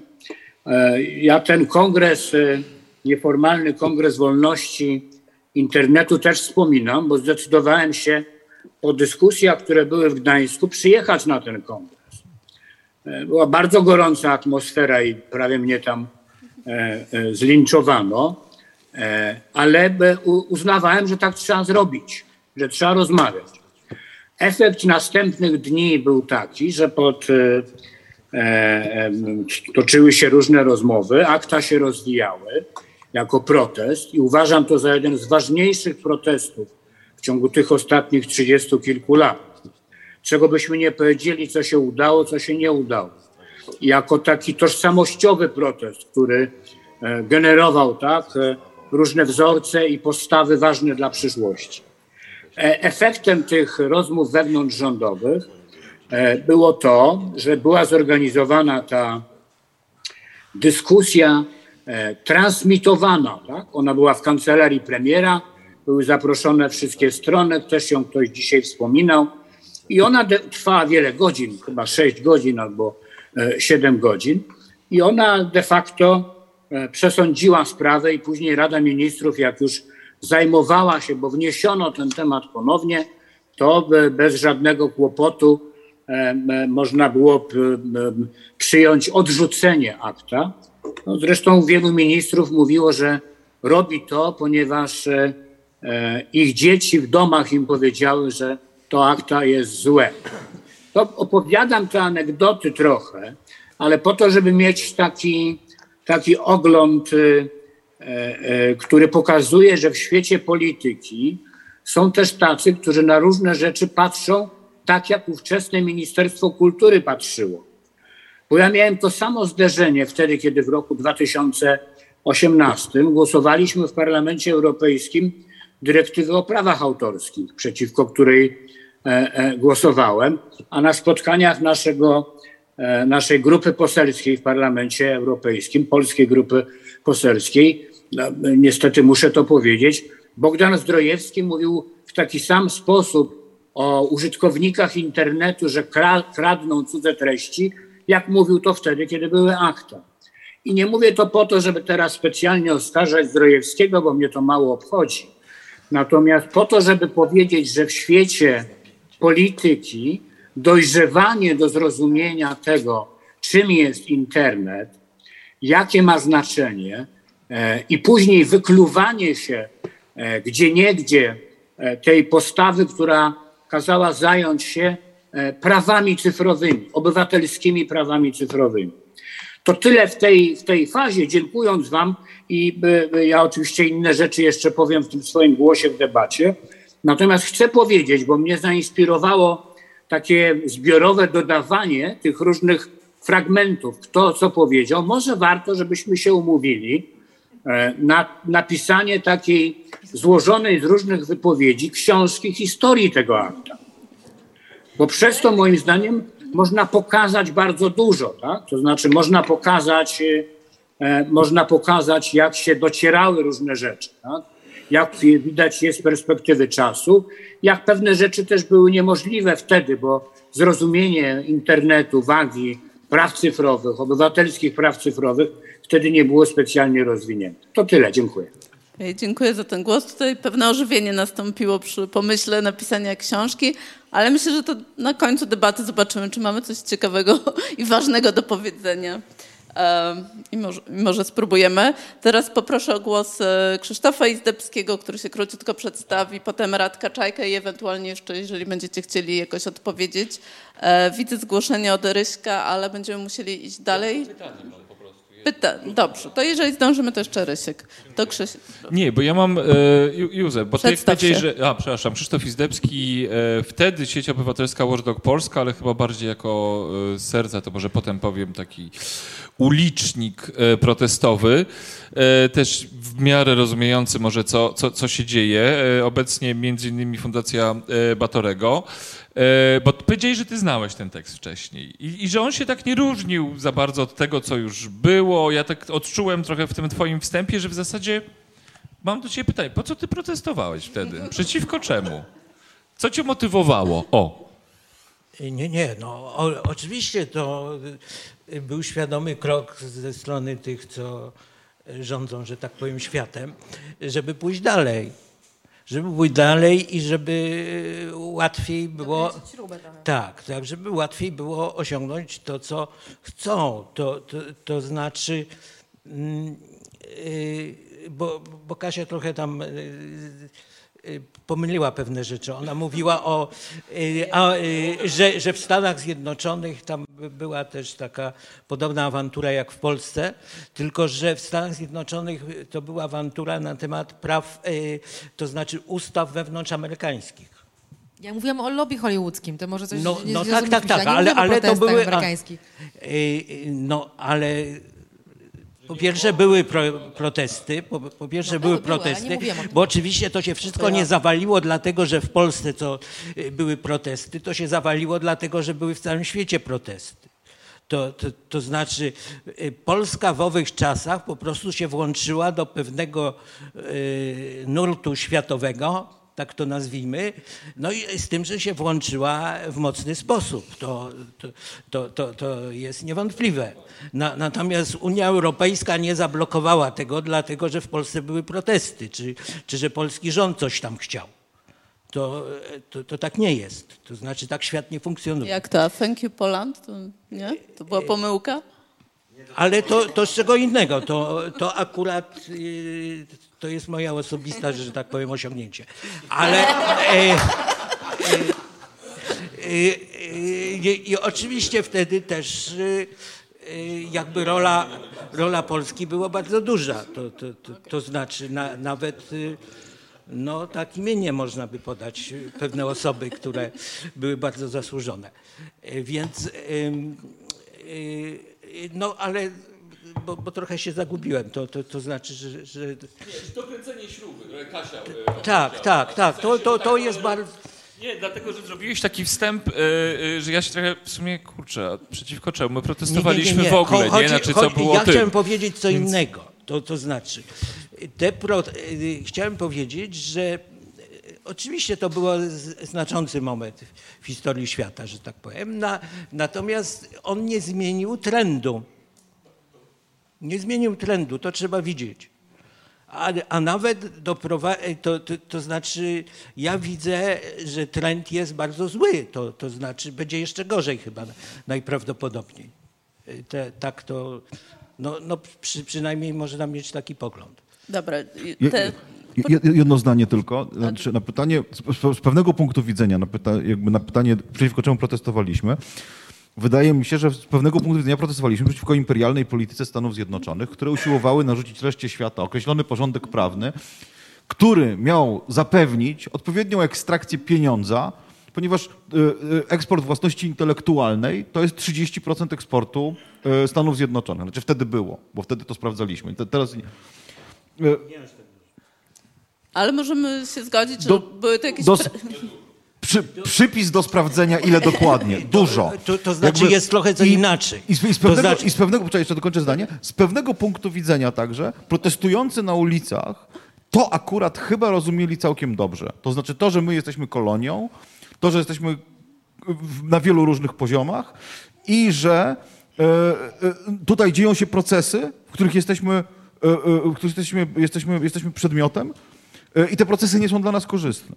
E, to, to znaczy, tak chcę powiedzieć, to znaczy, ten bilans e, amerykański jest dodatni, jeśli chodzi o własność intelektualną, szczególnie w owych czasach, bo, bo, bo, bo teraz może trochę inaczej to, to jeszcze wygląda, ale Stany Zjednoczone były po prostu jedynym państwem, który miał dodatni bilans, jeśli chodzi o obrót własności intelektualnej. Więc w tym sensie, ma, w tym sensie masz rację, ale, ale nie aż 30%. I druga rzecz, że te pieniądze to przede wszystkim Hollywood. To, to znaczy, to też trzeba widzieć. I, I to niekoniecznie ma związek z internetem, chociaż obecnie ma. No ma... Bo, bo jest Netflix i tak dalej. Mhm. Wydaje mi się, że dzisiaj jesteśmy też e, w trakcie kampanii, w której część, część naszych organizacji brała udział e, dotyczących uwolnienia patentów na szczepionki COVID, to znaczy te prawa własności intelektualnej, które no właśnie wydają się jakimś takim wąski, wąską sferą życia, tak naprawdę dzisiaj okazują się dosłownie kwestią życia i śmierci. Jako Fundacja Nowoczesna Polska napisaliśmy taki apel do rządu o to, żeby właśnie stanął w tej relacji e, po, po, po, stronie ludzi. E, też no, dzisiaj widziałam, są właśnie trwają apele do, w tej chwili do prezydenta Stanów Zjednoczonych, bo jednak to ma znaczenie, to znaczy to, to nie jest równa gra o to, żeby WTO zezwoliło na uwolnienie patentów, bo czekają na nie dosłownie miliardy ludzi na globalnym południu. Radek Czajka, teraz głos od ciebie. tak, Radek Czajka, jestem programistą i wtedy też byłem programistą w Nowoczesnej Polsce. Ja mam takie pytanie o taki wątek, który się tutaj pojawił we wszystkich waszych wypowiedziach tak naprawdę, to znaczy o tą przestrzeń debaty o tym, o co właściwie szło, tak, i też pytań, przeciwko czemu protestujemy, gdzie każdy ma jakąś inną odpowiedź. Bo rzeczywiście było tak, że tej, że tej przestrzeni trochę zabrakło na wszystkich frontach. Znaczy faktycznie my sobie robiliśmy wewnętrznie na, na gwałt warsztaty samokształceniowe, żeby się douczyć. Potem to robiliśmy najpierw jako Nowoczesna Polska, potem robiliśmy w ogóle takie sobie międzyorganizacyjne, ale faktycznie, no tak jak mówicie, tak? I w tym ogniu protestów nie udało się stworzyć takiej, dogadać się o co właściwie idzie i na tym kongresie. I jak wiemy w rządzie, ponieważ rząd trybem obiegowym bez dyskusji to zatwierdził. Um, I w nowych mediach, tak, w kulturze obrazkowej nie udało się stworzyć, e, przekazać tych myśli, o co właściwie idzie. No i wy rzuciliście dwie myśli o tym, co się stało z mediami tradycyjnymi, więc e, tak, czy one zostały wyparte przez tę kulturę obrazkową, czy same się wycofały, to był taki spór, więc moje pytanie jest o to jakby, co się stało właśnie z tymi mediami tradycyjnymi wtedy, dlaczego one nie stworzyły tej kultury dyskusji, no bo to chyba było ich zadanie wtedy, tak? Nie wiem, to chyba pytanie do nich, a nie mamy nikogo z tamtej strony, ani z TVN, ani z Gazety Wyborczej. Nie pamiętam autentycznie, czy wtedy jeszcze przechodziły takie teksty do mainstreamu, które byłyby pogłębione i miały y, fakty oddzielone od opinii i jakiś przekrój, y, takie w stylu, nie wiem, Guardiana czy, czy, czy New York Timesa, czy wtedy w Polsce jeszcze istniały takie przejawy dziennikarstwa? Nie pamiętam. Może ktoś pamięta, czy była taka kultura i ona zaczęła, ona po prostu, czy było tak, że to był na tyle trudny nowy temat, że nie było osoby, która by to pociągnęła, czy już media nie, myślę, jako że, myślę, że coś innego się biznes wtedy, model nie działały? Nie, myślę, że coś innego, przynajmniej w, znaczy w Polsce. Pamiętajmy, że to był moment, kiedy myśmy byli tuż po, po pierwszym rządzie e, PiSu, po pierwszym rządzie Platformy e, i dokładnie ta, ta, ta końcówka lat e, pierwszych dwutysięcznych to był dokładnie ten moment, kiedy media postanowiły popełnić zbiorowe samobójstwo poprzez e, e, przywiązanie się do konkretnych opcji politycznych. I w związku z tym media tradycyjne, gazeta, chyba w ogóle, jakby, myśmy oczywiście pisali jak artykuły, do, pisać do polityki, coś pamiętam, ja coś pisałem do wyborczej. Generalnie coś tam było pisane, ale to w żadnym momencie nie było mainstreamem y, y, tego, co się działo informacyjnie, znaczy komunika informacyjnie, komunikacyjnie. My już, to był chyba też taki pierwszy moment, kiedy żeśmy się po prostu przenieśli do internetu, a gazety przestały wyrabiać się na zakrętach, także z tego, ale właśnie także z tego powodu, że one już zaczęły być, że, że, że, że media stały się żołnierzami w wojnie politycznej. I i, tak jedna, jedna uwaga, Jarek, jedna uwaga, jeśli mogę. Pamiętacie to spotkanie w kancelarii? Był tam ZAIX, było stowarzyszenie, stowarzyszenia dziennikarskie, przedstawiciele mediów. Oni się zachowywali tak samo, jak zachowywali się kilka lat później przy dyrektywie o prawie autorskim. To znaczy to myślenie o prawie własności i o prawie autorskim było dominujące, tak? więc oni nie za bardzo byli, e, e, bliżsi byli tej ochronie tej własności, E, i pilnowaniu, żeby to się nie rozchodziło bez, umownie, bez opłaty, e, e, niż widzieli, nie wiem, prawa użytkowników w inny sposób. Więc oni byli po innej stronie wtedy, dlatego to się nie stało w mediach tych innych, ogólnych, mainstreamach. To ja do tego chętnie dopowiem, bo byliśmy wtedy jako młoda organizacja Panoptykon na, na froncie medialnym zupełnie nieprzygotowani do sposobu obsługi e, setek i tego obiegu newsowego i nas kompletnie zmiotło to, że media z kolei rzuciły się na kontent w postaci protestów i bardzo chciały mieć kogoś, kto im to wyjaśni. Co było z wielu względów, które tutaj naświetlaliśmy dzisiaj, niemożliwe, bo te protesty nie były y, koordynowane przez nikogo centralnie, nie były artykułowane podobnie, one były na inne tematy, y, od prawa do lewa, tak jak pokazał Jarek Lipszyc. I ja myślę, że protesty być może miały one taki rys antyimperialny, taki sprzeciw wobec tej mitycznej Ameryki, tego Hollywoodu, które nas chce dociskać swoimi patentami i karać za tak zwane piractwo, a może chodziło właśnie o, o rządy, mm, o kulturę rządzenia, a może chodziło o to, że te tak postrzegani politycy starej daty mają się odczepić od, od internetu. Tam były inne słowa używane, ale już nie będę e, dzisiaj wulgaryzmów tutaj wrzucała. Wystarczy emocji w naszych wspominkach, więc e, myślę, że chodziło o różne rzeczy, ale ja to nazywałam wtedy odruchem bardziej niż ruchem i to dzisiaj tak, tak na to patrzę. Nie było tam tej spójności, nie było tam materiału na ruch polityczny ani partię, bo my byśmy się nie zgodzili z pewnością co do powodów, dla których protestowaliśmy jako protestujący. I teraz do mediów wracam. I media chciały opowiedzieć to w setce. Tak? W zasadzie o co wam chodzi, wam, kim wy jesteście, o co walczycie. To było nie do powiedzenia, nawet dla najbardziej zaangażowanych ludzi, ale to był content, który żarł, tak? To znaczy media rzuciły się na te protesty, cały czas kosztem meritum. E, będę mówiła jeszcze jedno ad vocem i będę znikała z tej dyskusji, ale chciałam nawołać panów, z którymi mam do czynienia od 12 lat. Widzicie, jak było mi ciężko, kiedy zaczynałam tę karierę i musiałam się z nimi użerać, żeby dopuścili do głosu dzisiaj w drugiej połowie siedem osób, które czekają w kolejce, e, żeby ten głos zabrać. E, ode mnie tylko jedno ad vocem, bo mówiłeś, Jarku, o swoim takim, takiej refleksji, o co ty walczyłeś i o tym internecie, który już Tusk wiedział, że go już nie ma. Ja byłam wtedy prawniczką, która nic nie rozumiała z internetu, uczyłam się tego od was i może to, mnie, to była moja, moja taka szczepionka, ta niewiedza na tego typu postawy, bo ja bardzo szybko poszłam do, do, do, do kolejnego punktu, czyli aha, mamy centralizację i regulujemy duże platformy, więc Panoptykon szybko się wydzielił z tego ruchu i zaczął e, działać na gruncie RODO i innych regulacji platform.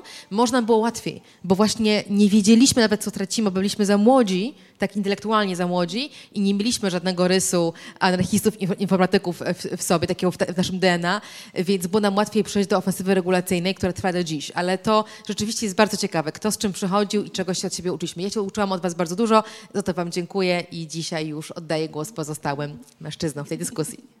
Dzięki. Dziękuję Ci bardzo za ten głos. Widzę, Marcin, że się zgłaszasz, ale chciałabym się jednak trzymać e, tutaj kolejności wystąpień. Za chwilę, Marcin, dobrze będzie też e, Twoja część, więc jakbyś mógł wtedy po prostu włączyć e, ten ewentualny komentarz do tej części dyskusji. E, od siebie mogę dorzucić jako mm, wówczas reprezentantce mediów, bo w 2012 roku pracowałam w tygodniku Przekrój, który miał wtedy swoją taką bardzo ultralewicową, jak się wtedy wydawało, emanację.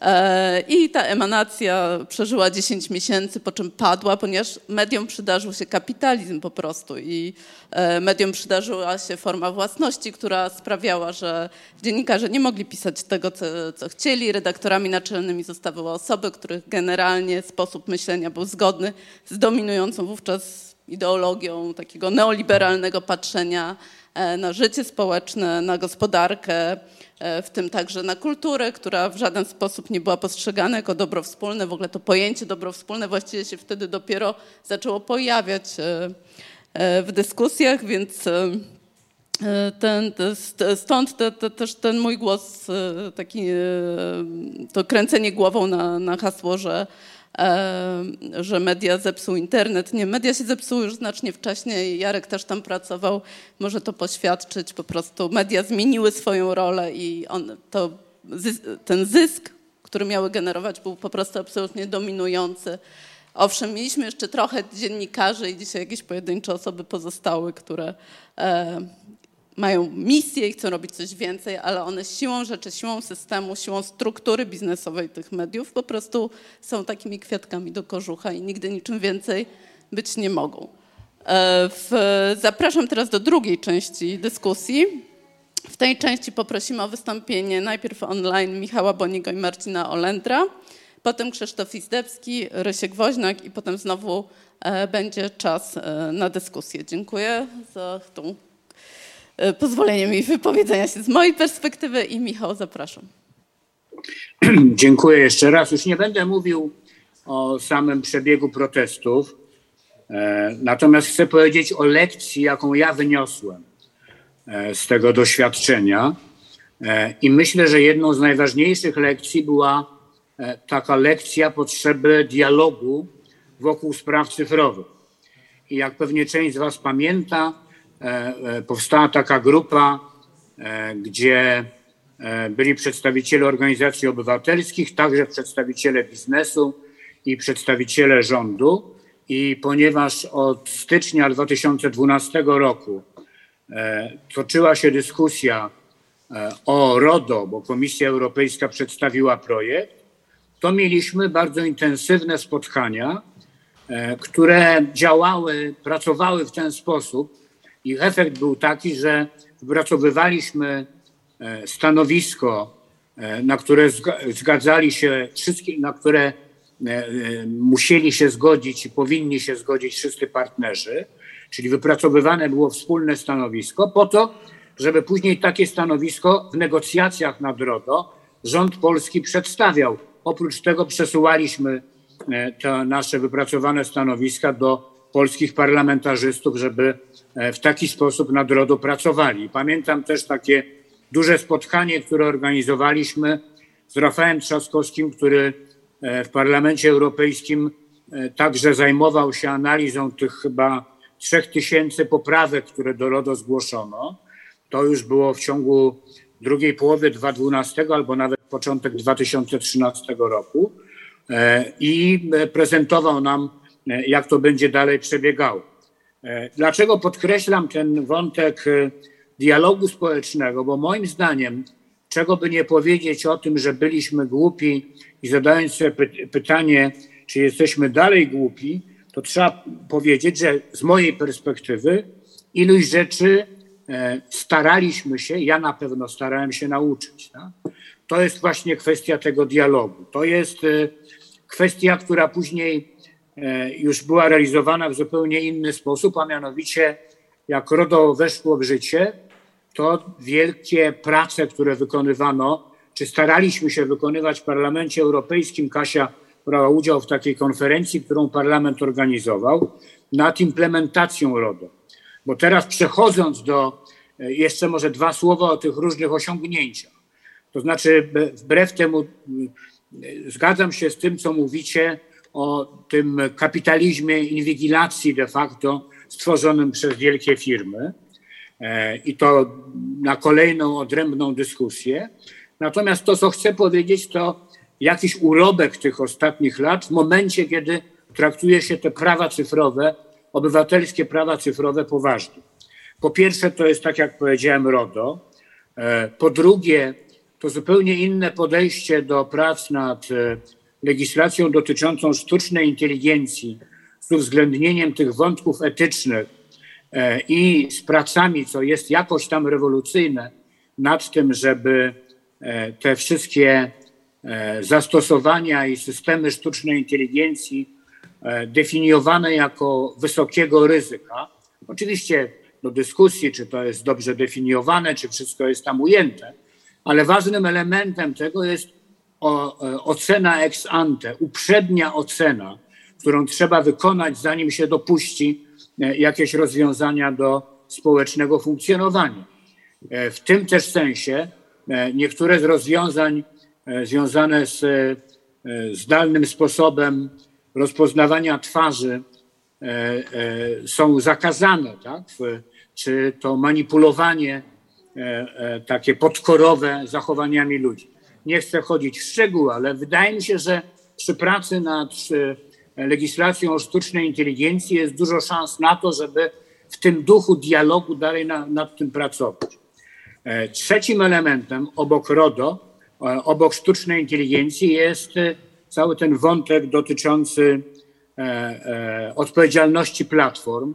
To się wymykało tak, spod jakiejś gotowości do kontrolowania.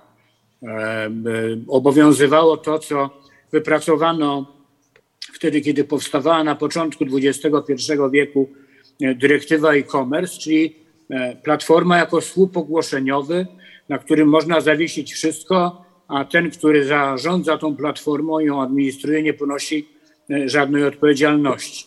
No myślę, że ta dyskusja o DMA DSA e, e, daje tutaj różne nowe możliwości i oby to się rozwinęło w jak najbardziej racjonalny i sensowny sposób. Natomiast problemem, który dalej jest nierozstrzygnięty, to jest kwestia E, pilnowania swobody wypowiedzi, także wtedy, kiedy musimy e, albo powinniśmy przy jasnym określeniu prawnym, że coś jest nielegalne, zdjąć jakieś treści. E, I to dalej budzi różnego rodzaju kontrowersje, tak jak kontrowersje budziła dyskusja o prawie autorskim, z bardzo silną taką presją na to, żeby E, to platformy niejako były odpowiedzialne za usuwanie e, treści, które e, mogą mieć nielegalny charakter, co budziło w przedstawicielach nie tylko społeczeństwa obywatelskiego, u wielu posłów takie przekonanie, że to dlaczego to biznes ma decydować o tym, tak, co jest dopuszczane, a, a co nie jest dopuszczane, pełnić rolę cenzora. E, więc wydaje mi się, że e, e, oczywiście nie ma czasu na wchodzenie we wszystkie szczegóły. Na koniec dodałbym jeszcze tylko jeden element, jako taką lekcję wyniesioną, o której wy dzisiaj powiedzieliście z tego doświadczenia akta, ponieważ ktoś powiedział, czy wszyscy dookoła rozumieli, o co tak naprawdę chodzi.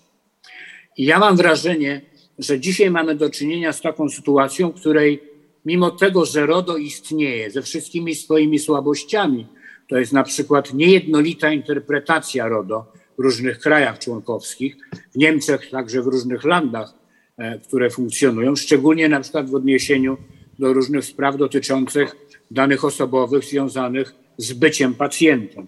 Ale ta świadomość praw, jakie mamy, też nie jest specjalnie powszechna. W tym sensie e, bardzo dużo osób, czy olbrzymia większość, daje swoją zgodę na przetwarzanie danych i użytkowanie, nie sprawdzając w ogóle dokładnie o co chodzi. E, nie e, patrzy się w firmach na analizę ryzyk związanych z przetwarzaniem danych, albo za słabo się to robi.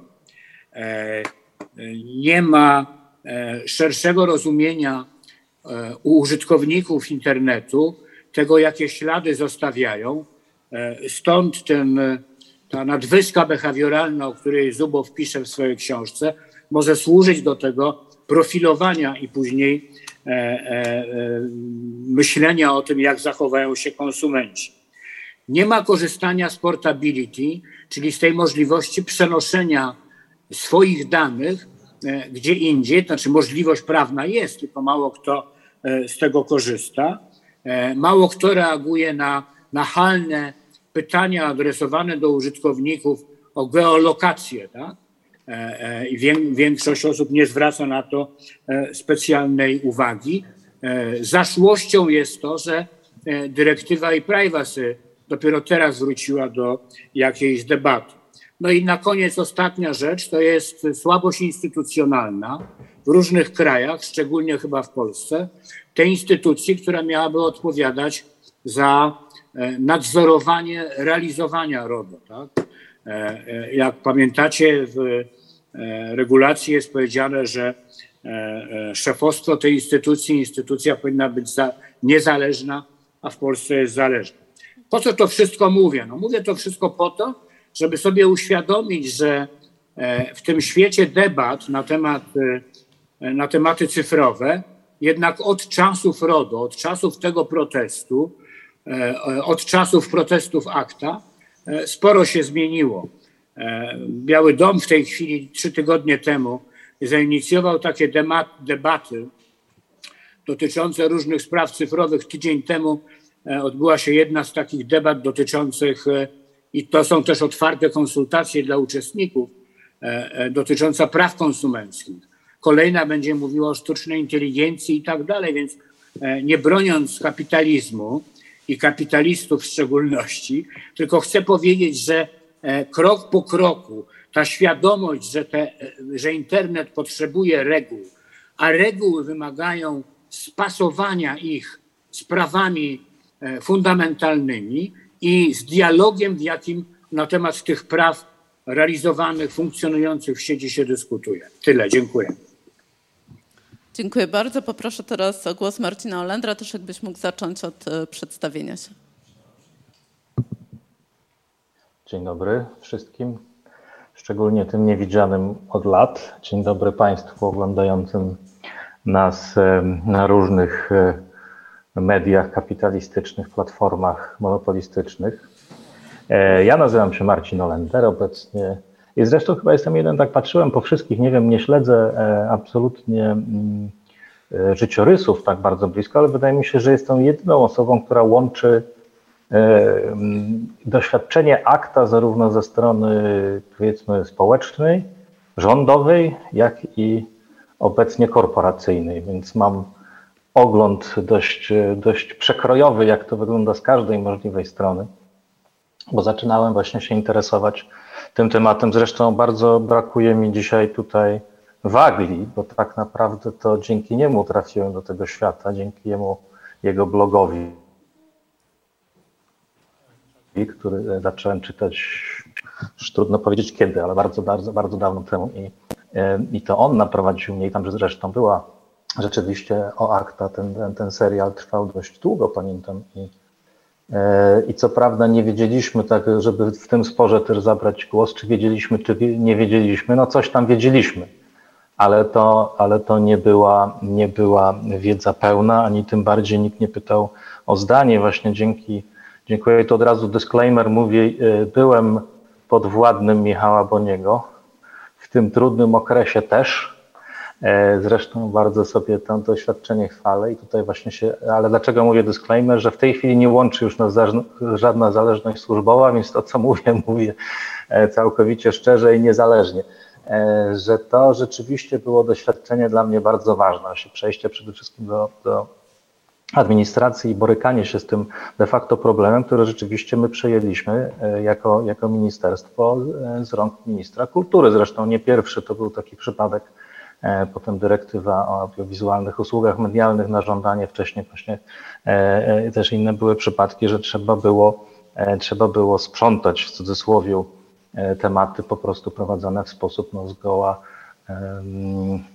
no powiedziałbym, nie, nie, nie biorący pod uwagę mm, interesów e, e, społecznych, prawda, czy, czy obywateli, a, a na pewno ich nie włączających ten proces. I chciałbym tu uzupełnić, jeżeli mogę, to, co my potem zrobiliśmy właśnie wokół RODO i tutaj, e, Michale, uzupełnię, że my nie tylko parlamentarzystów włączaliśmy, ale my przecież na stronach wieszaliśmy instrukcje no, no, negocjacyjne, prawda, i to, co wypracowaliśmy. Kasia już poszła niestety, ale Kasia była przecież tam naszym tutaj głównym głównym uczestnikiem ze strony e, społecznej i to rzeczywiście no, była to duża praca. Przed każdą, e, każdą wyprawą do Brukseli spotykał się ten zespół i pracował nad aktualnym tekstem i po, po czym te e, owoce tego były publikowane. Niestety ta, wraz z naszym odejściem ta praktyka chyba w dużej mierze umarła, ale te, te, te, te pozostałości Ministerstwa Cyfryzacji, które jak wiemy już nie istnieją, wciąż zachowują moim zdaniem E,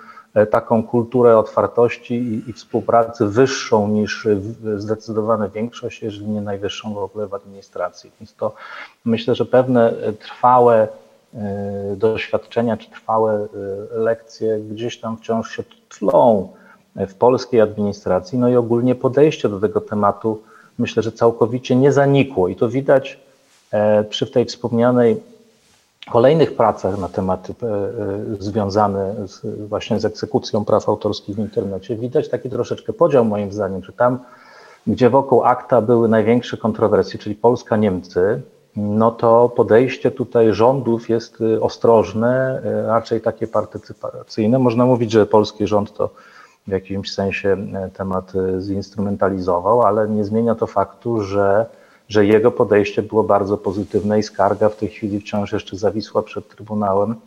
Yy, no, powołuje się na właśnie prawo obywatelskie potencjalnie naruszane przez dyrektywę, z czym notabene zgodził się co do istoty yy, adwokat generalny, rzecznik generalny w swojej opinii powiedział, że tak, że to nie jest całkowicie jego zdaniem ten balans tam jest, ale ta skarga nie jest zupełnie bezpodstawna. Więc moim zdaniem tutaj yy, te, nauki z akta wciąż są żywe i w Niemczech też, tak, bo nie pamiętajmy, że tutaj chyba Józef mówił, że, to, że, że Polska tylko tego nie wywoła. No oczywiście, że nie, bo były też Niemcy przede wszystkim, tam też były protesty. I zresztą tam były też bardzo duże protesty przeciwko dyrektywie.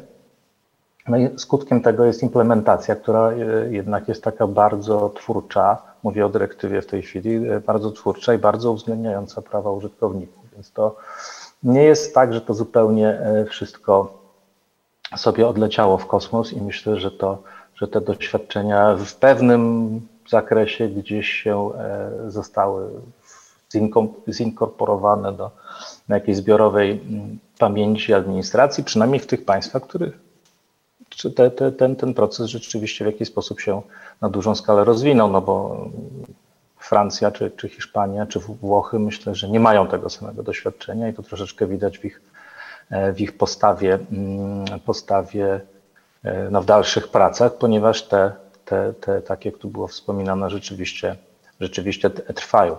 Więc ja przeszedłem właśnie z, z no powiedzmy, y, obserwacji tego procesu i ewentualnie jakiegoś słania petycji i, i, i zaangażowania biernego w sposób, potem w próbę, w próbę zorganizowania jakiejś, jakiejś odpowiedzi i tu myślę, że, że naprawdę staraliśmy się to właśnie pod światłą, światłym przewodnictwem pana ministra robić jak, jak najlepiej, e, najlepiej się dało. Były przecież spotkania, były warsztaty, zresztą poznałem na nich wtedy Jarka, któremu ostatnio wypomniałem, że mnie publicznie pod pręgierzem na Facebooku stawiał za moje wypowiedzi niegodne urzędnika państwowego, więc tutaj takie dla mnie doświadczenia były rzeczywiście ciekawe, ale też głębokie i tak jak, tak jak Michał mówił przed chwilą, wiele mnie nauczyło.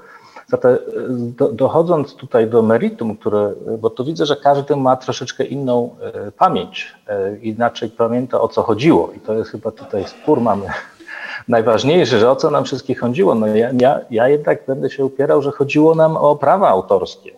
Przynajmniej ja to w ten sposób tak pamiętam. E, ja tutaj sobie odświeżyłem, nie wiem czy pamiętacie taki, to chyba esej, tak, czy felieton Piotra Czerskiego My dzieci sieci. Tam wyraźnie jest e, chyba e, to meritum poruszone, że chodziło o dostęp do kultury, e, dostęp do różnego rodzaju no, dzieł. Tutaj mówimy, mówiliśmy o Hollywoodzie, no może tak, hollywoodzkich seriali, prawda? Pamiętamy, że to były czasy, kiedy nie było Netflixa za kilkadziesiąt złotych, ani o Spotify'a, prawda? Więc E, tam realna była groźba, że jak wprowadzą tutaj filtrowanie na dużą skalę internetu, to nagle e, wielkie rzesze ludzi znajdą się poza po prostu obiegiem kultury, e, który tak jak właśnie Wyczerski pisał, umożliwia nam gdzieś współuczestniczenie z ludźmi na całym globie w pewnych procesach, pewnych zjawiskach, współprzeżywanie niektórych rzeczy. Nagle to wszystko było, przynajmniej percypowaliśmy to jako jakieś zagrożenie. No oczywiście kwestie E,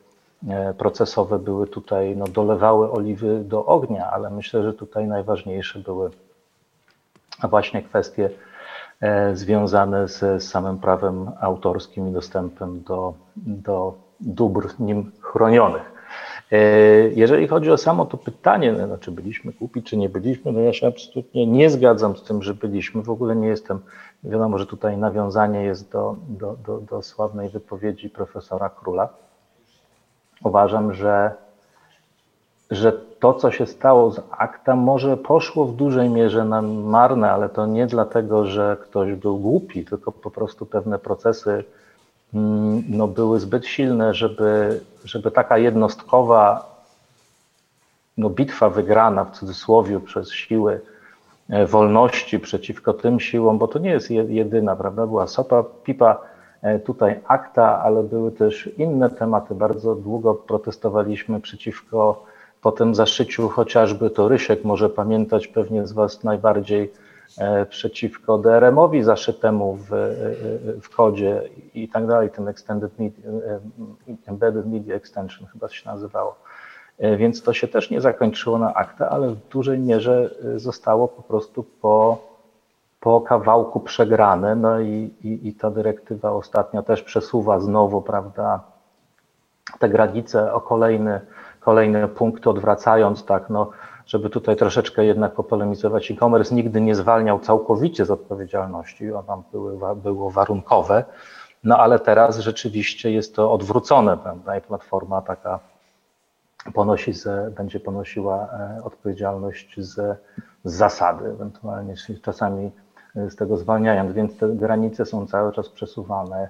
Kolejne e, prawa autorskie bądź pokrewne są wprowadzane, prawda? więc pewien ten proces cały czas postępuje, tylko już on nie budzi takiego e, sprzeciwu i teraz należałoby się zastanowić, dlaczego wtedy e, budził. Ja myślę, że troszeczkę odpowiedzi jest w tym, co poruszyłem przed chwilą, że teraz nie czujemy się już tym tak bardzo zagrożeni, ponieważ w tych ramach, które nastały, tych nowych, prawda, Tutaj mówili e, paru przedmówców o kapitalizmie i platformach i tak dalej, no ale te platformy i ten kapitalizm właśnie zapewnia nam Spotify'a za 20 zł miesięcznie, dzięki czemu odcięcie od e, tego Imula czy jakiegoś innej, e, innego klienta P2P nie jest już dla ludzi jakimś problemem szczególnym.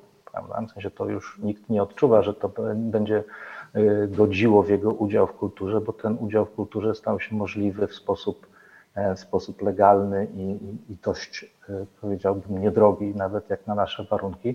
To zresztą moim było kiedyś postulowane, nie wiem czy, czy ktoś pamięta, na początku lat 2000 w MIT ktoś wymyślił Open Music Model, że po prostu zamiast się walczyć, bo to były jeszcze czasy, kiedy pozywano, prawda, Lens, Lens versus Universal, kiedy pozywano ludzi o ściąganie piosenki z internetu, piosenek z internetu i ktoś wymyślił, że zamiast się wal, walczyć o to, to może niech każdy zapłaci, tutaj oni 5 czy 7 dolarów mówili, że, że niech każdy wniesie taką opłatę i będzie miał dostęp do całej muzyki. No i 20 lat później się to zmaterializowało w postaci, w postaci mm. Spotify'a. Dziękuję Marcin. Więc ja myślę... Jeżeli mógłbyś kończyć, dobrze, bo już... Dobra, to ja w zasadzie, w zasadzie może tak, może skończę, że to no, pewne procesy zmieniły internet teraz, ale wtedy też pamiętajcie, że było inaczej. Tak? W sensie ja przestrzegam zawsze przed ahistorycznym spojrzeniem na to, w sensie wtedy inaczej myśleliśmy, bo świat był inny, a nie, to nie znaczy, że byliśmy koniecznie głupi. Dzięki.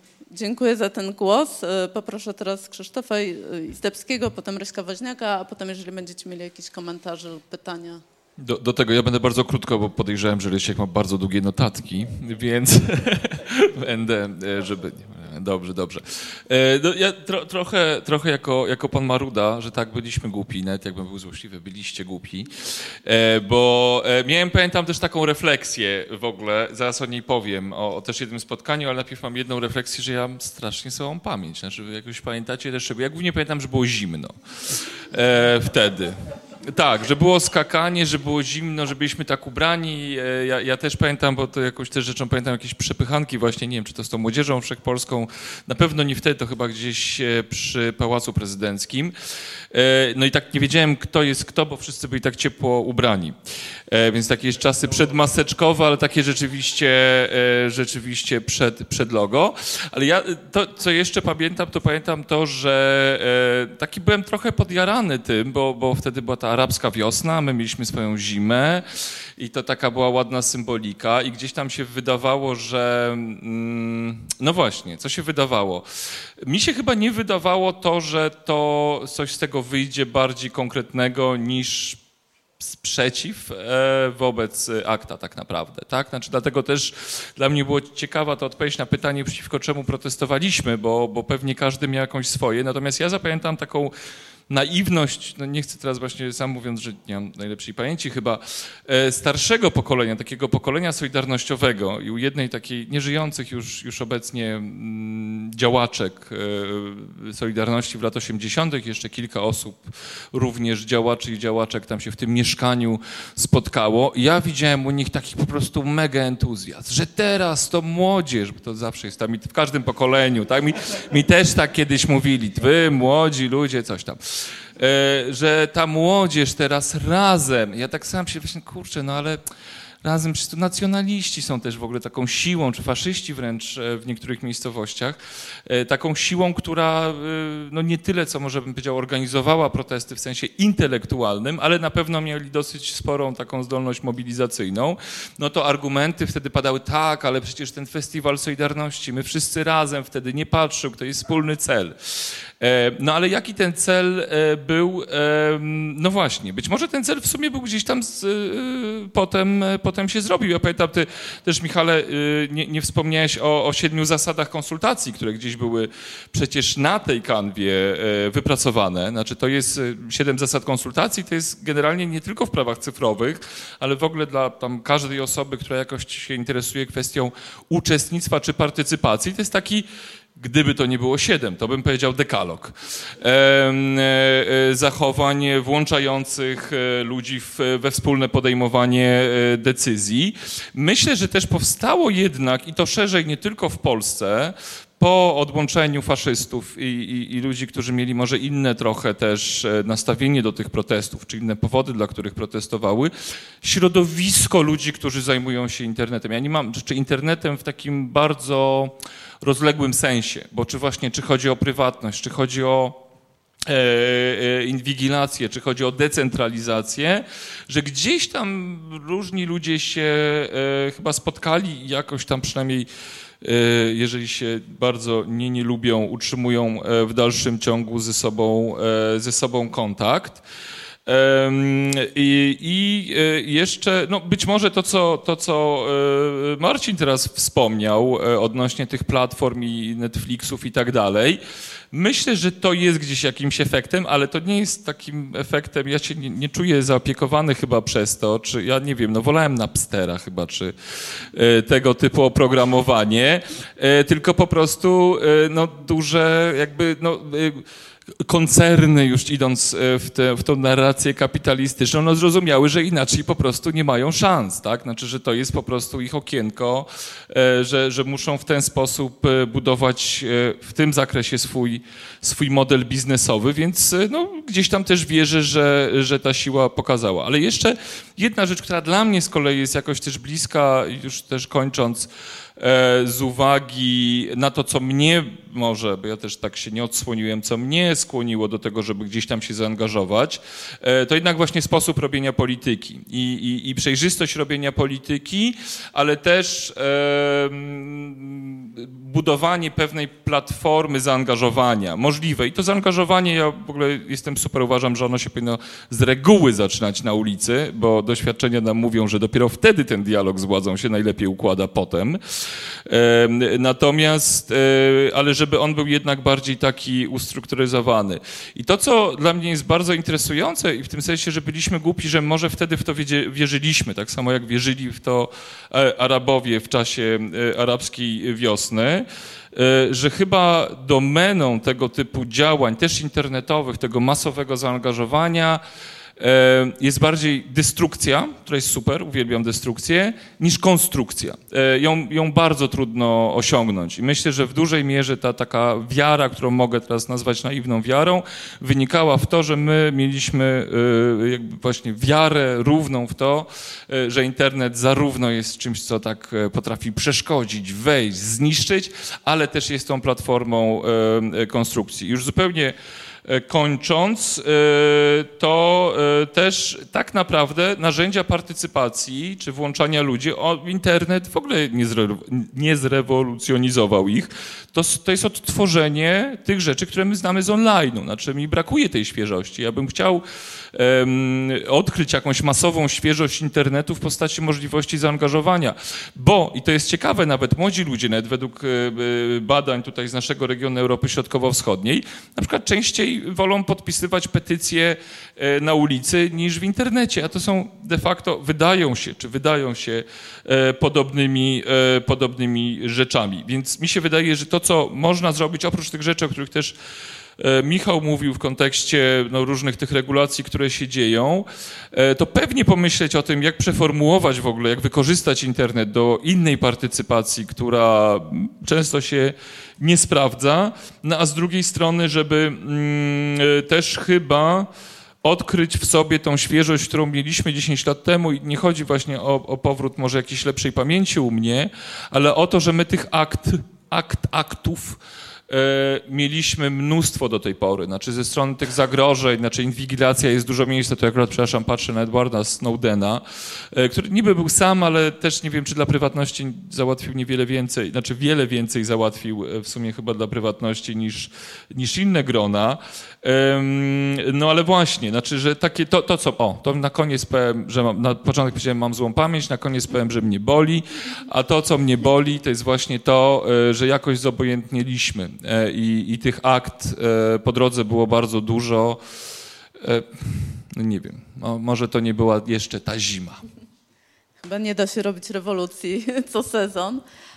Poproszę o głos Michała Ryśka-Woźniaka, jakbyś też mógł się przedstawić na start. Dzień dobry, Michał Rysiak-Woźniak, wówczas Fundacja Wolnego i Otwartego Oprogramowania, obecnie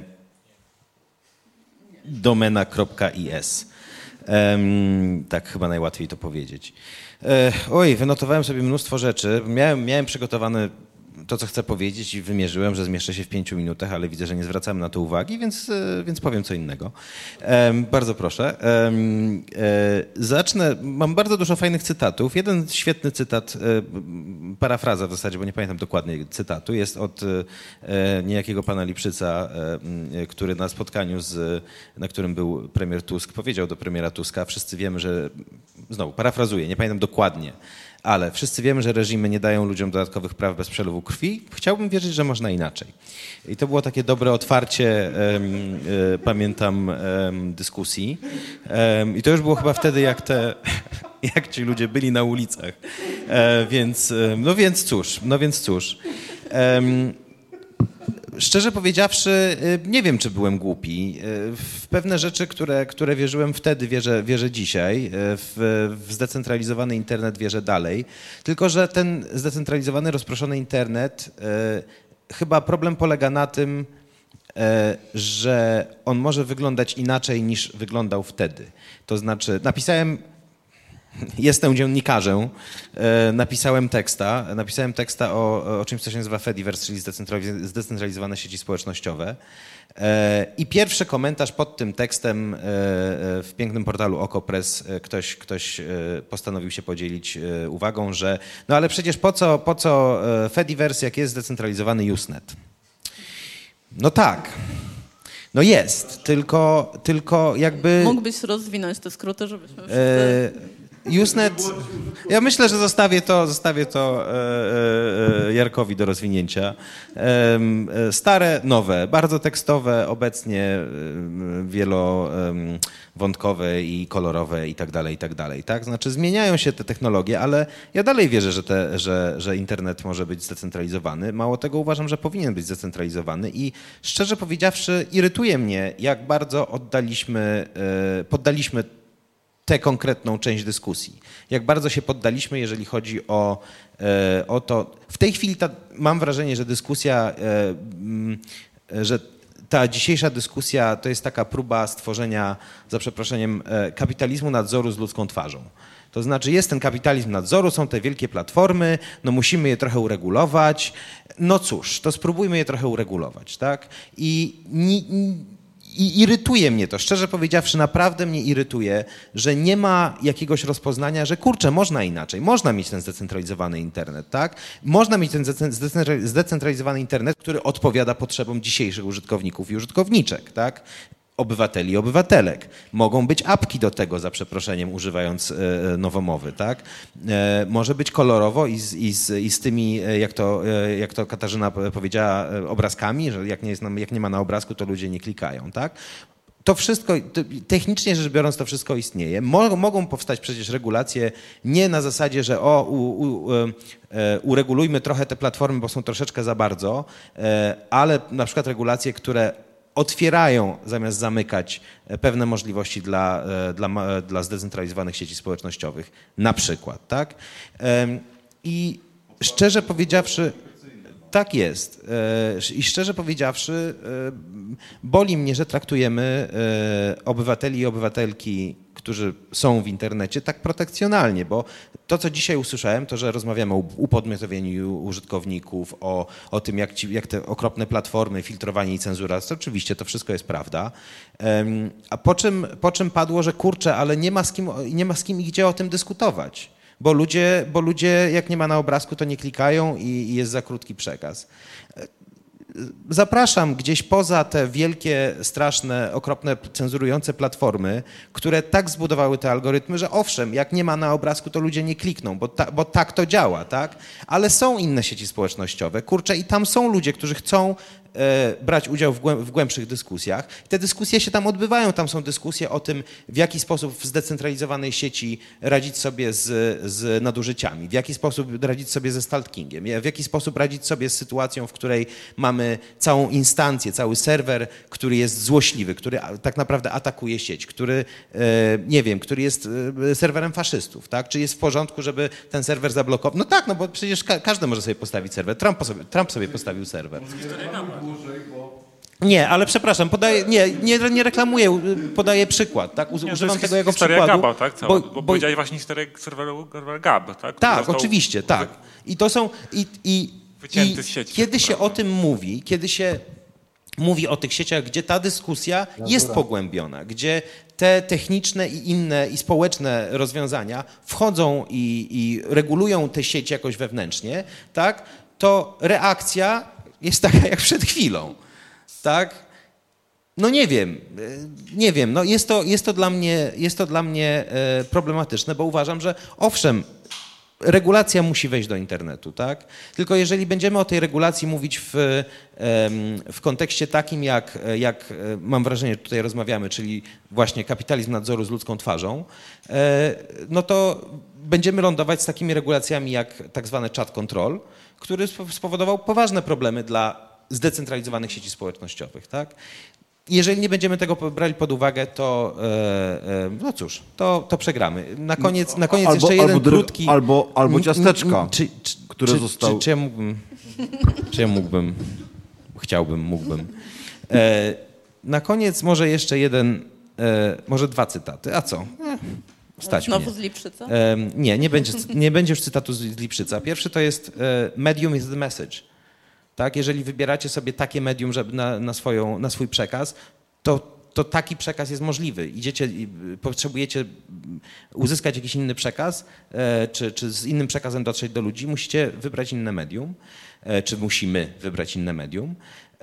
A drugi, drugi e, cytat z dewelopera jednej z zdecentralizowanych sieci społecznościowych, Boba, Boba Motrama, brzmi, gdy słyszy się o tym, że trwają prace nad europejskim systemem identyfikacji w internecie, e, koniecznie trzeba spytać, kogo taki system będzie uwzględniał i kogo będzie mógł wykluczyć. Tak? I to jest ważne, bo tu nie chodzi tylko o to, czy będzie uwzględniał, czy wykluczał konkretnych użytkowników czy użytkowniczki, ale również jakie rozwiązania techniczne będą dozwolone. Bo jeżeli on będzie zaprojektowany w taki sposób, że tylko duzi gracze mogą w to grać, no to będziemy mieli internet taki, jaki mamy. Dziękuję. Dziękuję Ci, ogromnie dziękuję za ten rant. Myślę, że był nam wszystkim bardzo potrzebny. E, za chwilę Wam oddam głos. Chciałam tutaj korzystając z tego, że mam mikrofon, e, dorzucić, ja wierzę w tą walkę, wierzę, że, że możemy walczyć o coś więcej niż zachowanie resztek e, internetu, o jakim kiedyś marzyliśmy i niektórzy nadal pozwalają sobie marzyć. Mogę też się podzielić swoim doświadczeniem mm, jako osoby, która w, w jakimś stopniu organizowała protesty e, związane z wolnymi sądami. Brałam też udział w strajku kobiet czy w protestach antyaborcyjnych też jakby ze strony takiej organizującej. I mogę powiedzieć, że nie udałoby się, gdyby nie istniały e-maile, czyli właśnie to, to, to najstarsz, najstarsza forma. Najstarsza zdecentralizowana sieć społecznościowa. Dziękuję. Absolutnie byłoby to niemożliwe, gdyby e-maile właśnie nie e, były, jak to się nazywa, e, interoperacyjne. Właśnie, dziękuję. E, nie byłoby to też możliwe, gdybyśmy my jako organizatorzy nie mogli korzystać z dorobku ruchu wolnego internetu, jakim są bezpieczne komunikatory, system PGP, I to wszystko, co pozwalało nam działać po prostu w sposób bezpieczny e, dla nas i dla celów, e, które sobie przy, wyznaczyliśmy. Wiem, że także w Polsce na przykład ruchy protestu związane z klimatem również z tego wszystkiego korzystają. Także to wszystko istnieje. Może nie ma takiego, i może dobrze, takiej ekspozycji jak to, co się dzieje na Facebooku czy na Twitterze, ale, ale to to działa i to nas e, ratuje i bardzo się cieszę, że powiedziałeś, że nie powinniśmy o tym zapominać i, i jakby reiterować z tej walki. To jeszcze nie jest ten moment. Może kiedyś przyjdzie. E, dobrze, słuchajcie, teraz e, zbieram, zbieram tutaj e, ręce podniesione do, do tej części. Widziałam Marcin w którymś momencie się zgłosił. E, brawo, że Napster. A, okej. Okay. E, czy, czy, ktoś z Was chciałby dorzucić tutaj jakieś pytanie albo komentarz? E, Zbyszka, widzę to może Zbyszek, a potem Marcin, bo Marcin już e, był przy mikrofonie. Zbyszku, musisz wziąć. Tutaj kanapa tak, wolnego oprogramowania się uaktywniła. Jeżeli mogłabym prosić o przekierowanie kamery, dobrze, w taki sposób, żeby jeżeli można tak, bo z tej strony padnie głos, to zależy mi, żeby była widoczna. Dobra, dzięki. Zbigniew Łukasiak, ja wtedy byłem programistą, byłem członkiem ISOC, Polska i również wtedy włączyłem się w reaktywację Polskiej Partii Piratów. Byłem jednym z współzałożycieli jej nowej wersji. Tak, tak to gwoli przedstawienia się. A mój komentarz to nie wiem, bardziej chyba dotyczy tego, co mówiła Kasia wcześniej, bo bardzo dużo tutaj rozmawiamy właśnie o tych monopolistach, którzy filtrują treści, no i że się wtedy tak nie spodziewaliśmy, jako, jako to będzie odgrywać rolę, ale wydaje i że się skupiliśmy na tym, żeby walczyć z rządami, tak, ale e, ciągle mi się wydaje, że, że jednak rządy mogłyby, znaczy cenzura ze strony rządów może być dużo gorsza, tak, i to e, no myślę, że mamy na to przykład dosyć konkretny i mm, no w, zasadzie, w zasadzie tyle. Chciałem, chciałem powiedzieć tylko o tym, że nie, umiesz, nie umniejszając tego problemu tak, z, e, z pozycją monopolistów e, prywatnych, no to jednak rządowe mogą być dużo gorsze. Okay, dziękuję. I e, Władek... To... Mogę, mogę adwocem? Bardzo krótko. Dob, bardzo dobrze, krótko. tylko teraz naprawdę krótko Rysiek, tak. to, potem to Marcin chyba, i Władek. To, to chyba nie jest wyścig, w sensie, czy mnie jako, jako osobę, jako obywatela, jako człowieka interesuje, kto mi odbiera te prawa, czy to jest rząd, czy to jest korporacja, czy to jest, nie wiem, e, e, można sobie to nazwać jakkolwiek inaczej. Nie, to znaczy to jest kwestia e, jakiejś władzy, to jest kwestia nadużyć tej władzy i to, czy ta władza wynika z procesów demokratycznych, czy to jest reżim, czy to jest korporacja, która w zasadzie nie wiadomo czym jest, ale hej, teraz akurat nie mogę się wypowiadać, bo, bo mnie nie lubią, e, to naprawdę nie ma, nie ma znaczenia. Tak? To, to, to jest, oczywiście jest kwestia monopolu przemocy i tak dalej, i tak dalej, ale jeżeli chodzi o możliwość komunikowania się w internecie, to naprawdę nie ma moim zdaniem większego znaczenia, czy twoje prawa są naruszane przez korporację, czy przez rząd. To jakby regulacja jest potrzebna.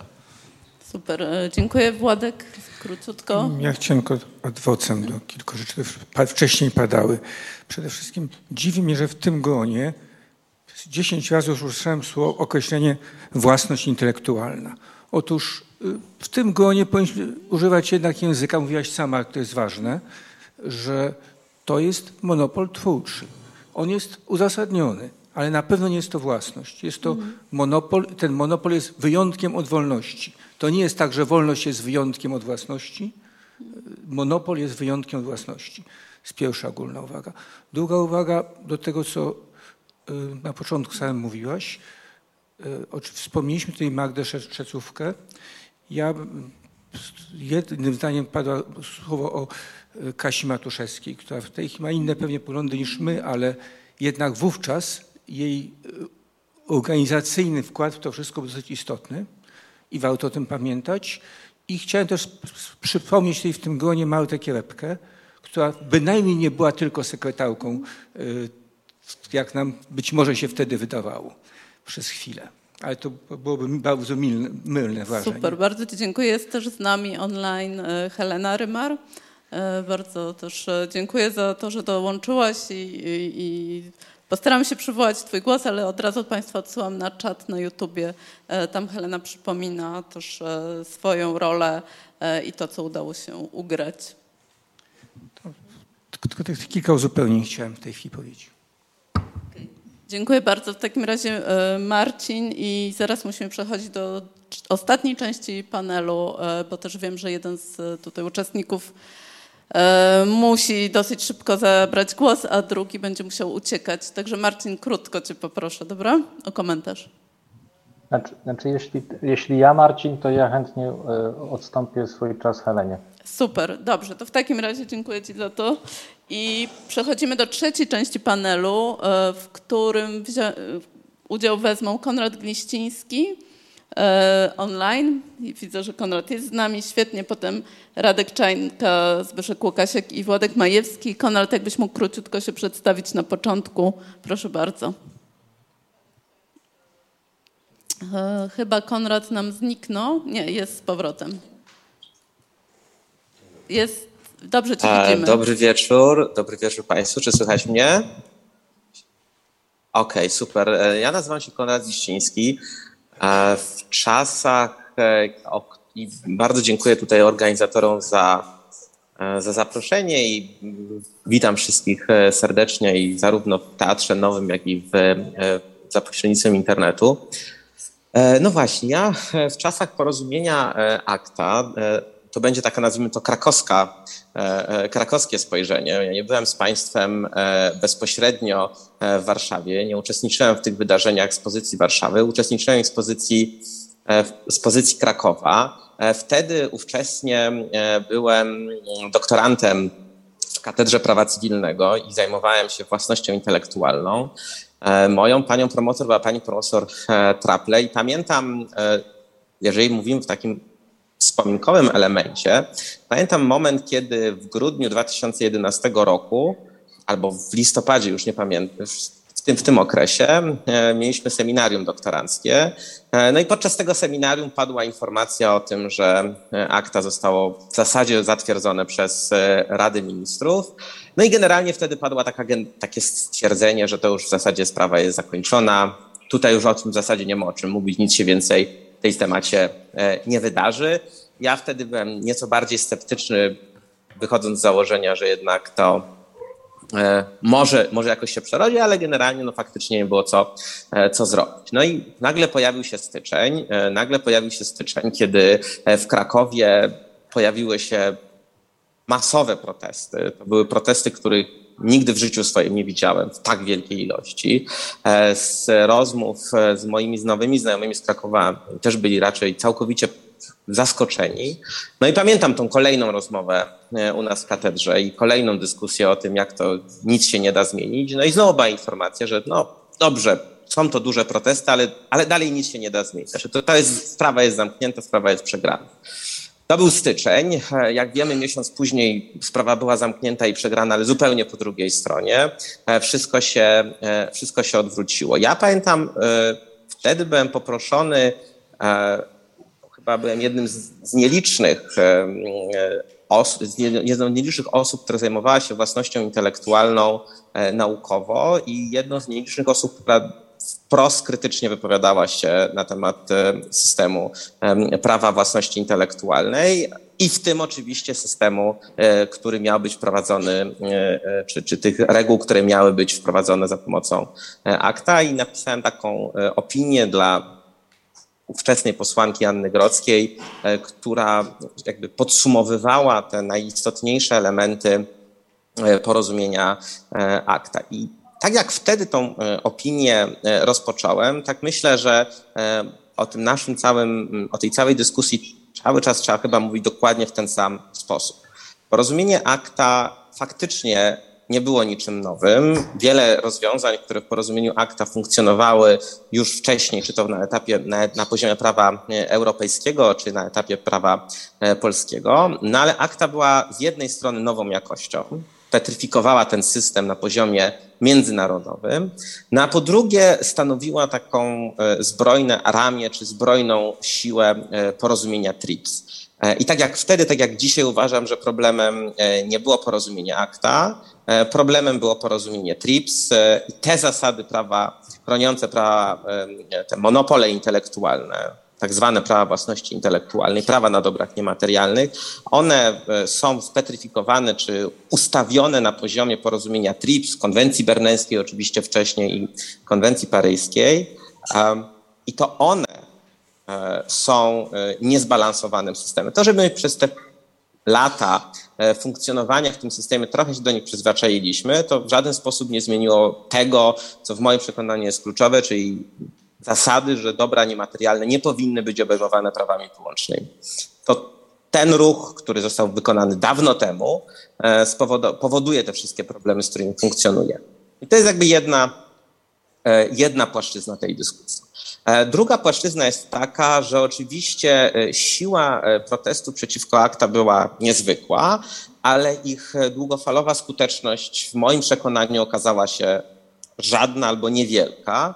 E, mamy do czynienia e, oczywiście z wprowadzoną e, dyrektywą o prawie autorskim na jednolitym rynku cyfrowym, która pewnie u, samego, u samych podstaw jednym z elementów jej była taka chęć odpowiedzi Komisji Europejskiej na te protesty związane z akta, no bo koniec końców jednak Parlament Europejski odrzucił porozumienie akta, były rozpisane duże konsultacje społeczne, no i efektem tego miało być jakaś forma modernizacji prawa autorskiego. No i ta modernizacja prawa autorskiego skończyła się dokładnie odwrotnie od zakładanej. W zasadzie poza niewielkimi koncesjami dosłownie w zakresie kilku, kilku bardzo specyficznych kwestii, no, mamy artykuł 17, który oczywiście znowu e, jest lepszy e, dzięki wytrwałej pracy e, wielu wielu osób i a, a osób, które nie zgadzały się na taką regulację internetu, jaką pierwotna tak zwany artykuł 13 wprowadzał. No ale koniec końców dalej to jest rozwiązanie dalekie od dalekie od oczekiwanego. E, trzeba pamiętać, że w międzyczasie, e, oczywiście akta to jest jeden z uroczych akronimów, ale jeszcze mieliśmy porozumienie e, TTIP, które kolejny raz z innej strony chciało wzmacniać system ochrony własności intelektualnej na poziomie tutaj co prawda europejsko-amerykańskim, ale z punktu widzenia praktycznego po prostu podnosi ten, ten, ten, ten, ten poziom, ten standard ochrony. Więc to są rzeczy to są trochę rzeczy historyczne, ale one się dalej przekładają na to, w jaki sposób e, te sprawy są e, regulowane i w jaki sposób się do nich podchodzi. Ta podstawowa niezgoda na obejmowanie prawami na dobrach niematerialnych, e, prawami wyłącznymi dóbr niematerialnych, ona się być, by, by, bynajmniej nie skończyła na etapie, na, na, na etapie akta i na etapie TTIP, ani na etapie dyrektywy. Dzisiaj najbardziej, mm, dzisiaj WIPO w sposób bardzo już aktywny dyskutuje kwestie związane e, z obejmowaniem prawami, jakimiś prawami wyłącznymi, bo to znowu oczywiście będą prawa wyłączne e, tworów e, stworzonych przez sztuczną inteligencję. Wszyscy już się przyzwyczaili do tego, że nie będzie to prawo autorskie, bo są pewne teoretyczne ograniczenia, ale nie ma najmniejszego problemu, żeby stworzyć podobny system, nazwać go zupełnie inaczej e, i te, do, e, i te twory tworzone przez sztuczną inteligencję objąć tymi prawami. No i oczywiście obok tego jest cała dyskusja dotycząca właśnie danych, e, nie danych oczywiście w rozumieniu osobowych, ale wszystkich innych danych i kwestii tego, w jaki sposób regulować obsługę, czy, czy właśnie obejmować dane jakąś kolejną formą wyłączności kolejnym nowym, e, nowym systemem. Więc w moim przekonaniu na pytanie, czy byliśmy głupi, powiem nie, nie byliśmy. Słusznie identyfikowaliśmy jednak podstawowe, w moim przekonaniu, mm, podstawowy problem, czyli właśnie obejmowania tych e, dóbr niematerialnych e, prawami wyłącznymi. Mm, być może ta artykulacja dotyczyła wielu innych kwestii, być może ona oczywiście się rozmywała w jakimś takim medialnym dyskursie, to na pewno, ale to, to, to, ta podstawowa niezgoda, w moim zdaniem wtedy była e, bardzo słusznie, e, bardzo słusznie w jakimś tam przynajmniej zakresie, e, w zakresie rozpoznana. E, ja bym tego optymizmu dalej jednak jeszcze, jeszcze dalej nie podzielał. To znaczy dla mnie oczywiście prawa własności intelektualnej cały czas są problemem.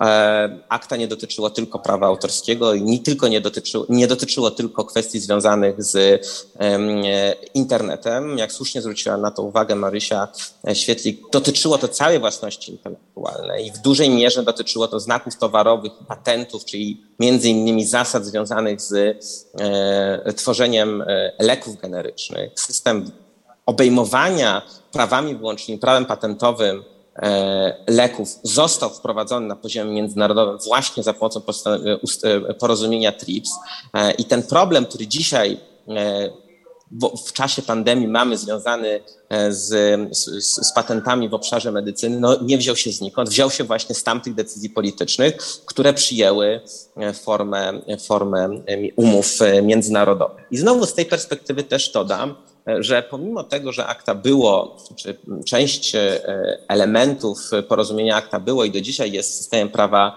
E, na różnym poziomie, to uważam, że odrzucenie tego porozumienia było jednak czymś skutecznym, dobrym, dlatego że przynajmniej w jednym zakresie nie powstała kolejna umowa międzynarodowa, o której byśmy musieli mówić przez najbliższe 100-200 lat, że w kontekście, że nie da się jej, nie da się jej, nie da się jej zmienić.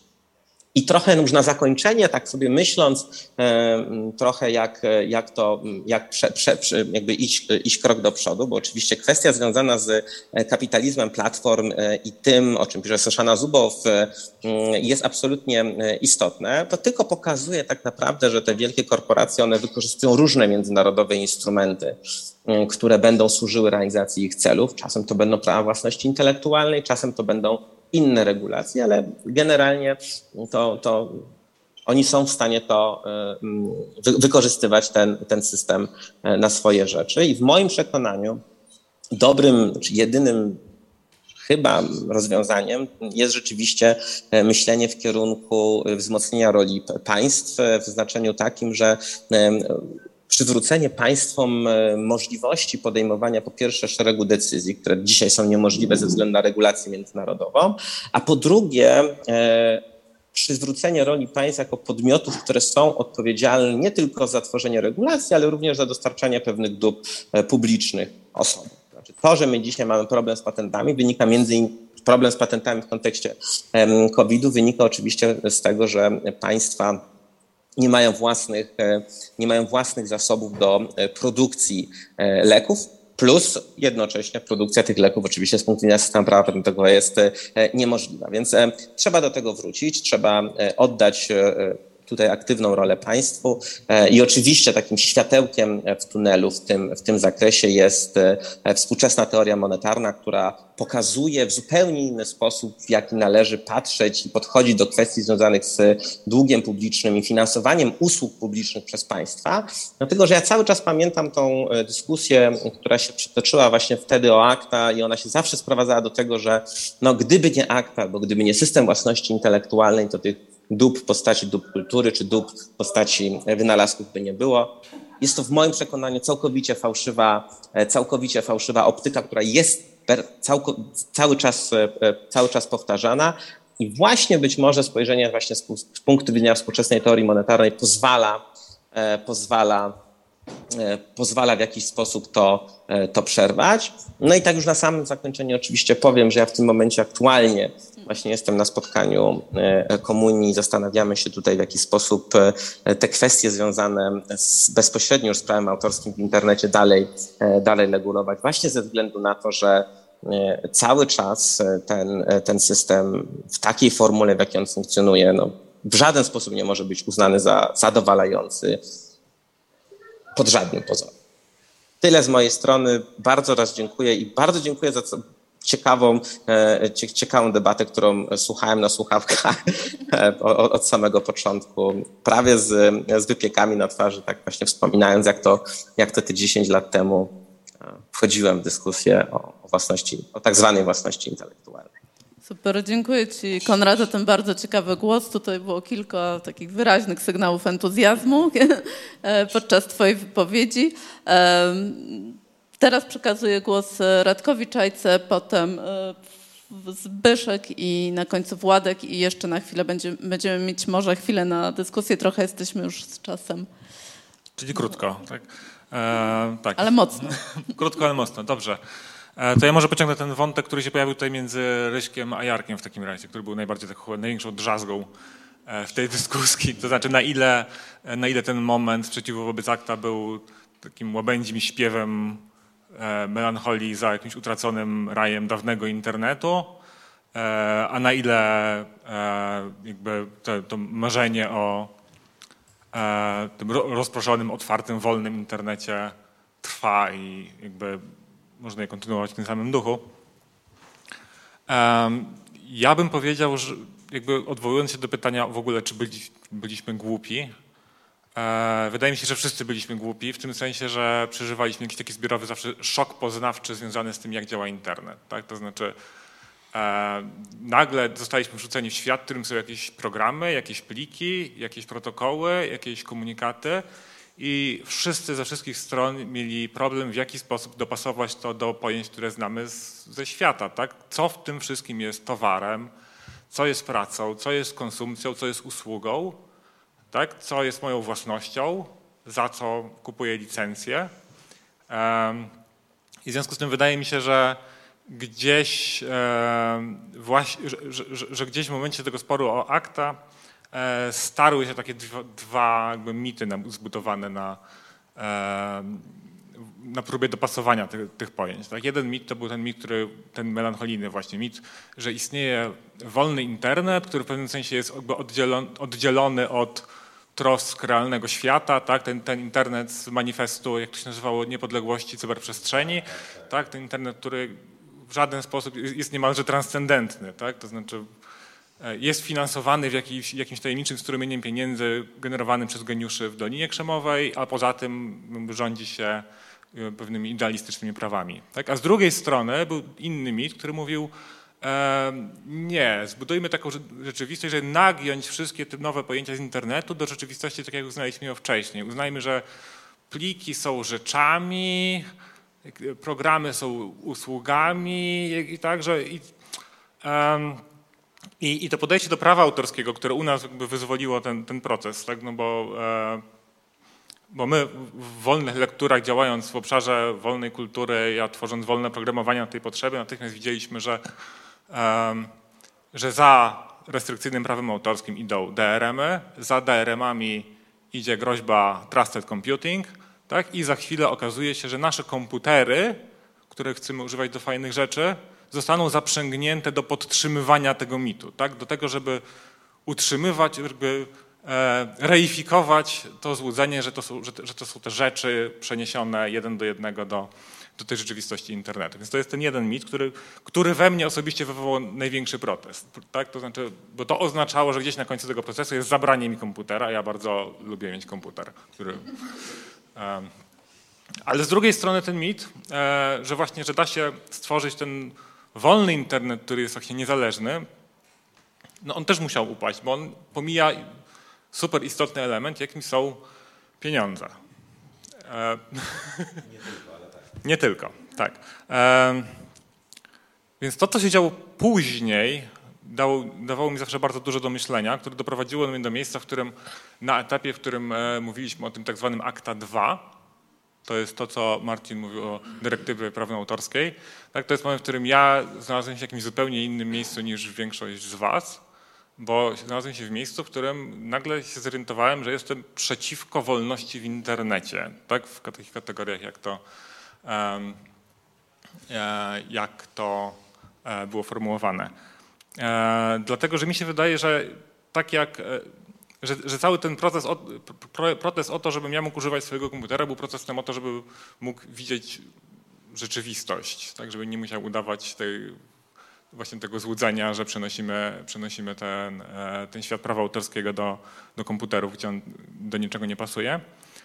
I ta rzeczywistość wygląda tak, że strumień pieniędzy, e, głównie z reklam, który wcześniej utrzymywał media, e, które to media miały swoje, e, miały dość swobody, żeby nie popełniać tego samobójstwa, o którym mówiła Marysia, tak? żeby, żeby móc utrzymywać kolegia redakcyjne, które robiły jakościowe dziennikarstwo, tak, ten strumień pieniędzy zaczął wysychać, zmuszając media do zwinięcia się, ponieważ został w dużej mierze przejęty przez właśnie e, korporacje internetowe.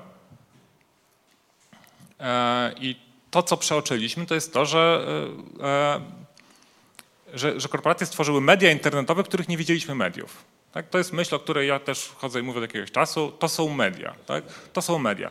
E, to są media, które przejęły pieniądze mediów i które przejęły model biznesowy mediów, wyświetlania pewnych treści, opakowania ich reklamami, utrzymywania uwagi, nie przejęły pewnych zobowiązań mediów.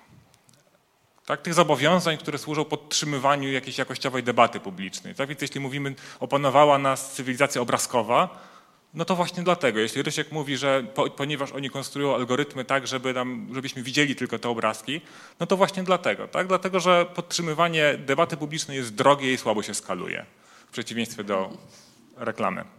Dlatego ja zawsze napierałem teraz na to, żeby jak najwięcej wymagać od mediów internetowych, jak najbardziej traktować je jak media. I, i to jest moim zdaniem droga do tego, żeby żeby spróbować wrócić trochę na tą ścieżkę odbudowy tego internetu, który jest bardziej rozproszony i mniej oparty na tych centralizowanych molochach. Tak?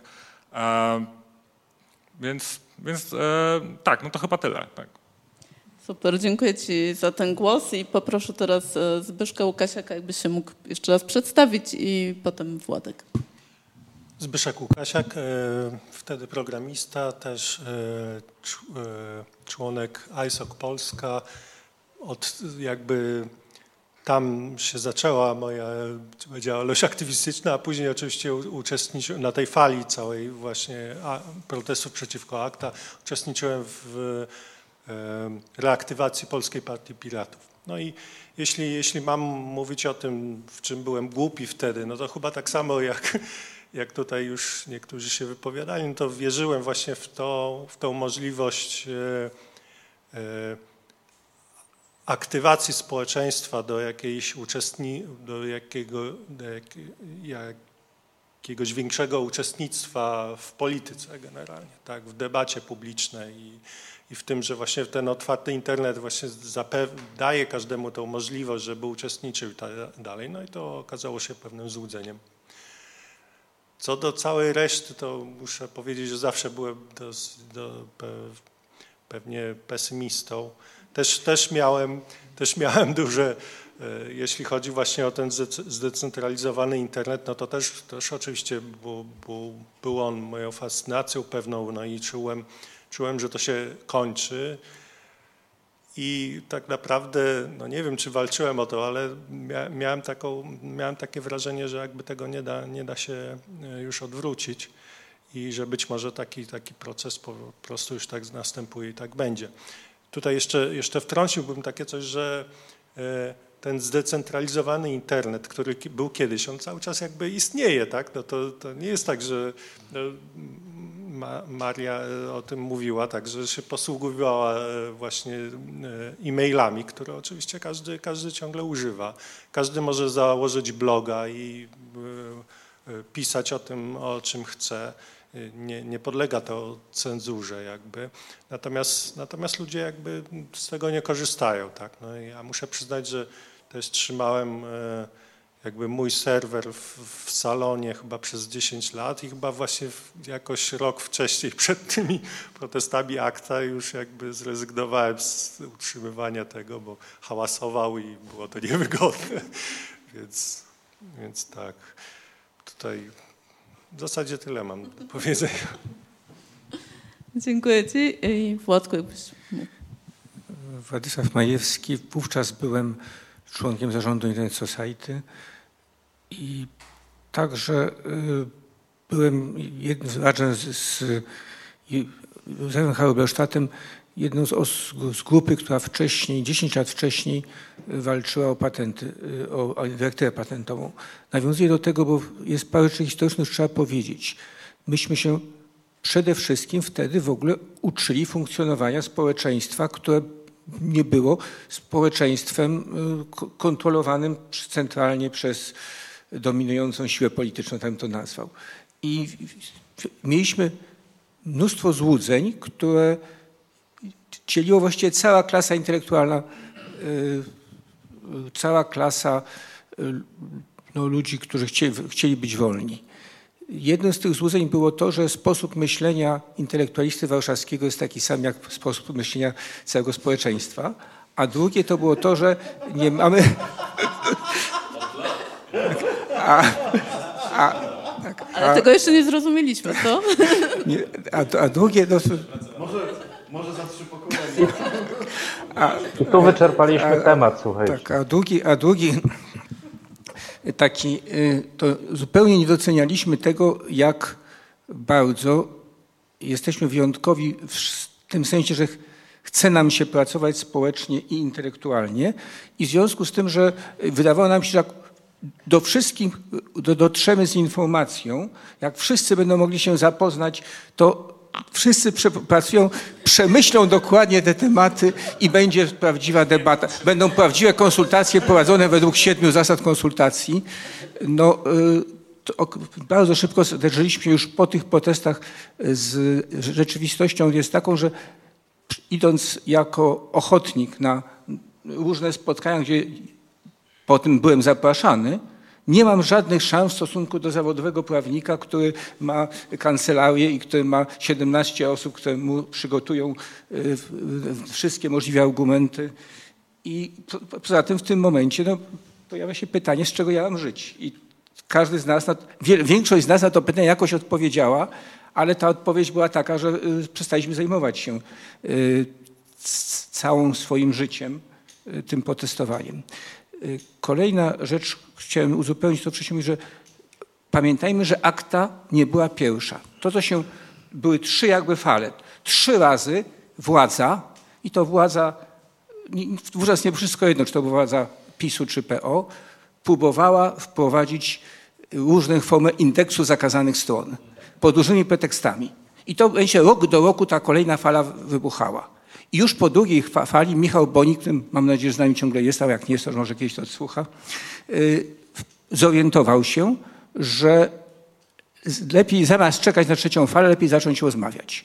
Jak zaczęliśmy rozmawiać, to nagle te rozmowy przyjęły formę, która z jednej strony spowodowała, że byłem traktowany, że być, to było surrealistyczne po prostu.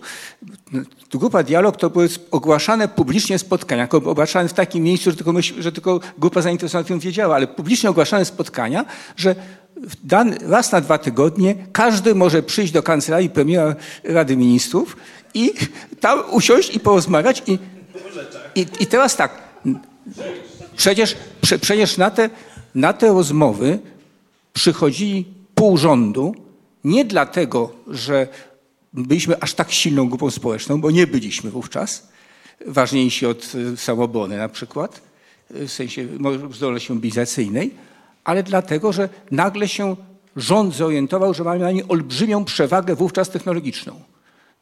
By, byliśmy w stanie robić rzeczy, których aparat państwowy nie potrafił robić. Potrafiliśmy zaszokować rząd tym, że na, na, następnego dnia po tajnych rozmowach w Brukseli wyjmowaliśmy potoku tych rozmów bezpośrednio z tego, jak to się odbyły. I by potrafili także pokazać to, że my dokładnie wiedzieliśmy, o co chodzi. W, y, na przykład jednym z głównych tematów tej grupy internet to były rozmowy o y, informacji publicznej, o udostępnieniu informacji publicznej. I myśmy dokładnie wiedzieli, o co chodzi i jak to robić. I prawdę mówiąc, jeśli myślę o tym, co się zachowało, to jednak y, to, że do dzisiaj obowiązuje ustawa o UDIP i mimo, że były pół psucia i no to jednak się nie do końca udało.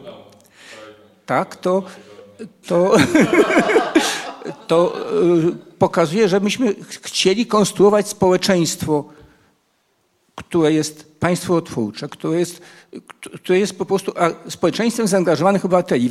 Marzenie platońskie chcieliśmy realizować, tylko że niestety y, to nie chodzi o to, że jest, nie jest tak, że wszyscy 38 milionów obywateli do tego marzenia się przyłączy, ale przytłaczająca większość tych ludzi ma warunków materialnych i nie miała wówczas, nie ma teraz, żeby się przyłączyć, choćby nawet gdyby chciała.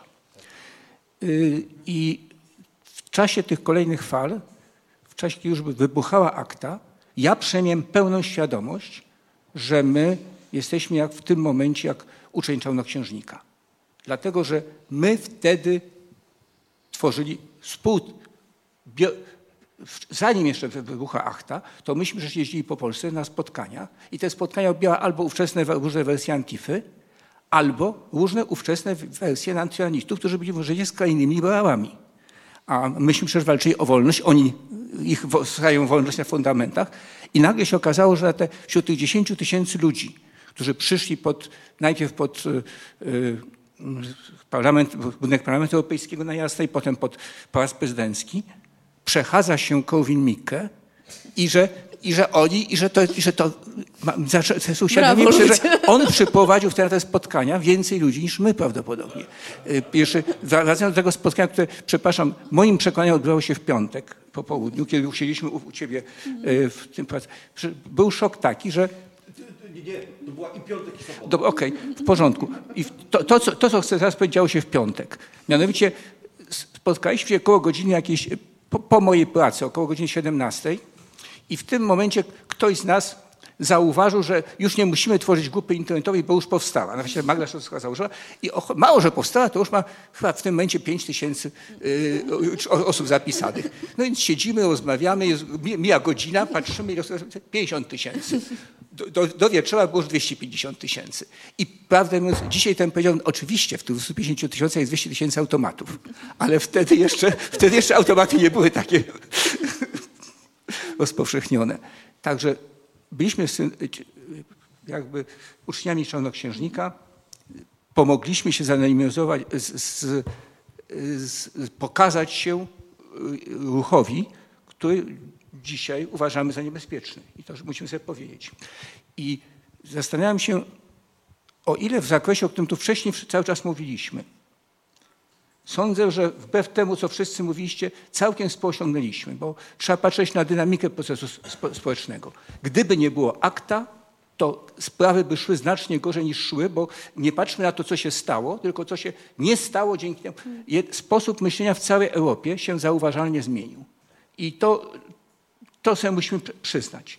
Natomiast, natomiast równocześnie jedną z rzeczy, o którą walczyliśmy w czasie akta, to było to było to, żeby państwo nie było państwem policyjnym.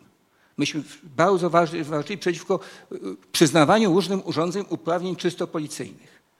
No i tutaj jak doszedł do władzy rząd, który do dzisiaj nam łaskawie rządzi, no to pierwszą rzeczą, którą zrobił, to y, wprowadził wszystkie te regulacje policyjne i inne prawne uzasadnienia działania aparatów przemocy, których przeciw którym były ważnym elementem naszej walki ówczesnej, żeby, żeby tego nie dopuścić. Y, zrobiłem wtedy ruch y, równolegle do panoptykonu, bo to jest główne działanie panoptykonu oczywiście, ale zrobiłem wtedy między innymi z Tomkiem Piątkiem y, i Zagatą Czarnacką inicjatywę Stop Inwigilacji. Udało nam się opóźnić wtedy wprowadzenie tego pół roku. Nic, nic. I Kolejna rzecz, o którą, ostatnia, którą chcę teraz powiedzieć, to jest to, że my tu mówimy, że nasze działanie było skuteczne. Kiedy powstawało, kiedy powstawał Internet Society, to mówiliśmy, że my jesteśmy czymś w rodzaju automobil klubu, tylko tak tego automobil klubu, który był na początku XX wieku, kiedy była wą, wąska grupka fanów samochodzia, samochodziarstwa. I oni sami musieli dbać o to, żeby stacje benzynowe były, żeby były drogi, no nie było ich wcześniej. No, w tej chwili, w pewnym momencie przestaliśmy być potrzebni w tej roli. Dlatego, że już y, internet stał się, sieć stała się rzeczą absolutnie powszechną, dla każdego obywatela dostępną, każdego obywatela zrozumiałą, może zrozumiałą o tyle, ile potrzeba do, w celach użytkowych codziennych. W związku z tym ta rola nasza się skończyła, ale równocześnie część naszej walki o ten romantyczny, wolny i zdecentralizowany internet po prostu przegrała nie z, z dynamiką wrednych korporacji, które chcą pazerne być, a są, bo taka jest ich wola, ani z, ani, ani z tym, że romantycznie walczyliśmy z fragmentacją internetu. Naszą, głównym naszym hasłem przez czasu nie dopuśćmy do fragmentacji internetu. No, prawdę mówiąc, nie dopuśćmy tego, żeby rząd Chin robił to, co robi, albo, rząd, albo Putin robił to, co robi, albo to, co się marzy naszemu rządowi, i tylko, że jeszcze nie, nie, nie nauczył się tego, jak to zrobić do końca. Yy, fragmentacja internetu jest, staje się faktem. Mówiliśmy tutaj o, wcześniej o roli e-maila. Właśnie w tym czasie, kiedy to mówimy, Microsoft wprowadza zasadę, że nie będzie dopuszczał do swoich w swojej infrastrukturze e-mail, tak zwanych legacy protokołów, czyli czego y, IMAPA nie, y, tylko trusted servers i to trusted... Czyli własne. Nie, nie, nie własne. Googlowskie też, oczywiście. I, natomiast, natomiast nie serwer, który stoi u ciebie w domu. O nie, to nie.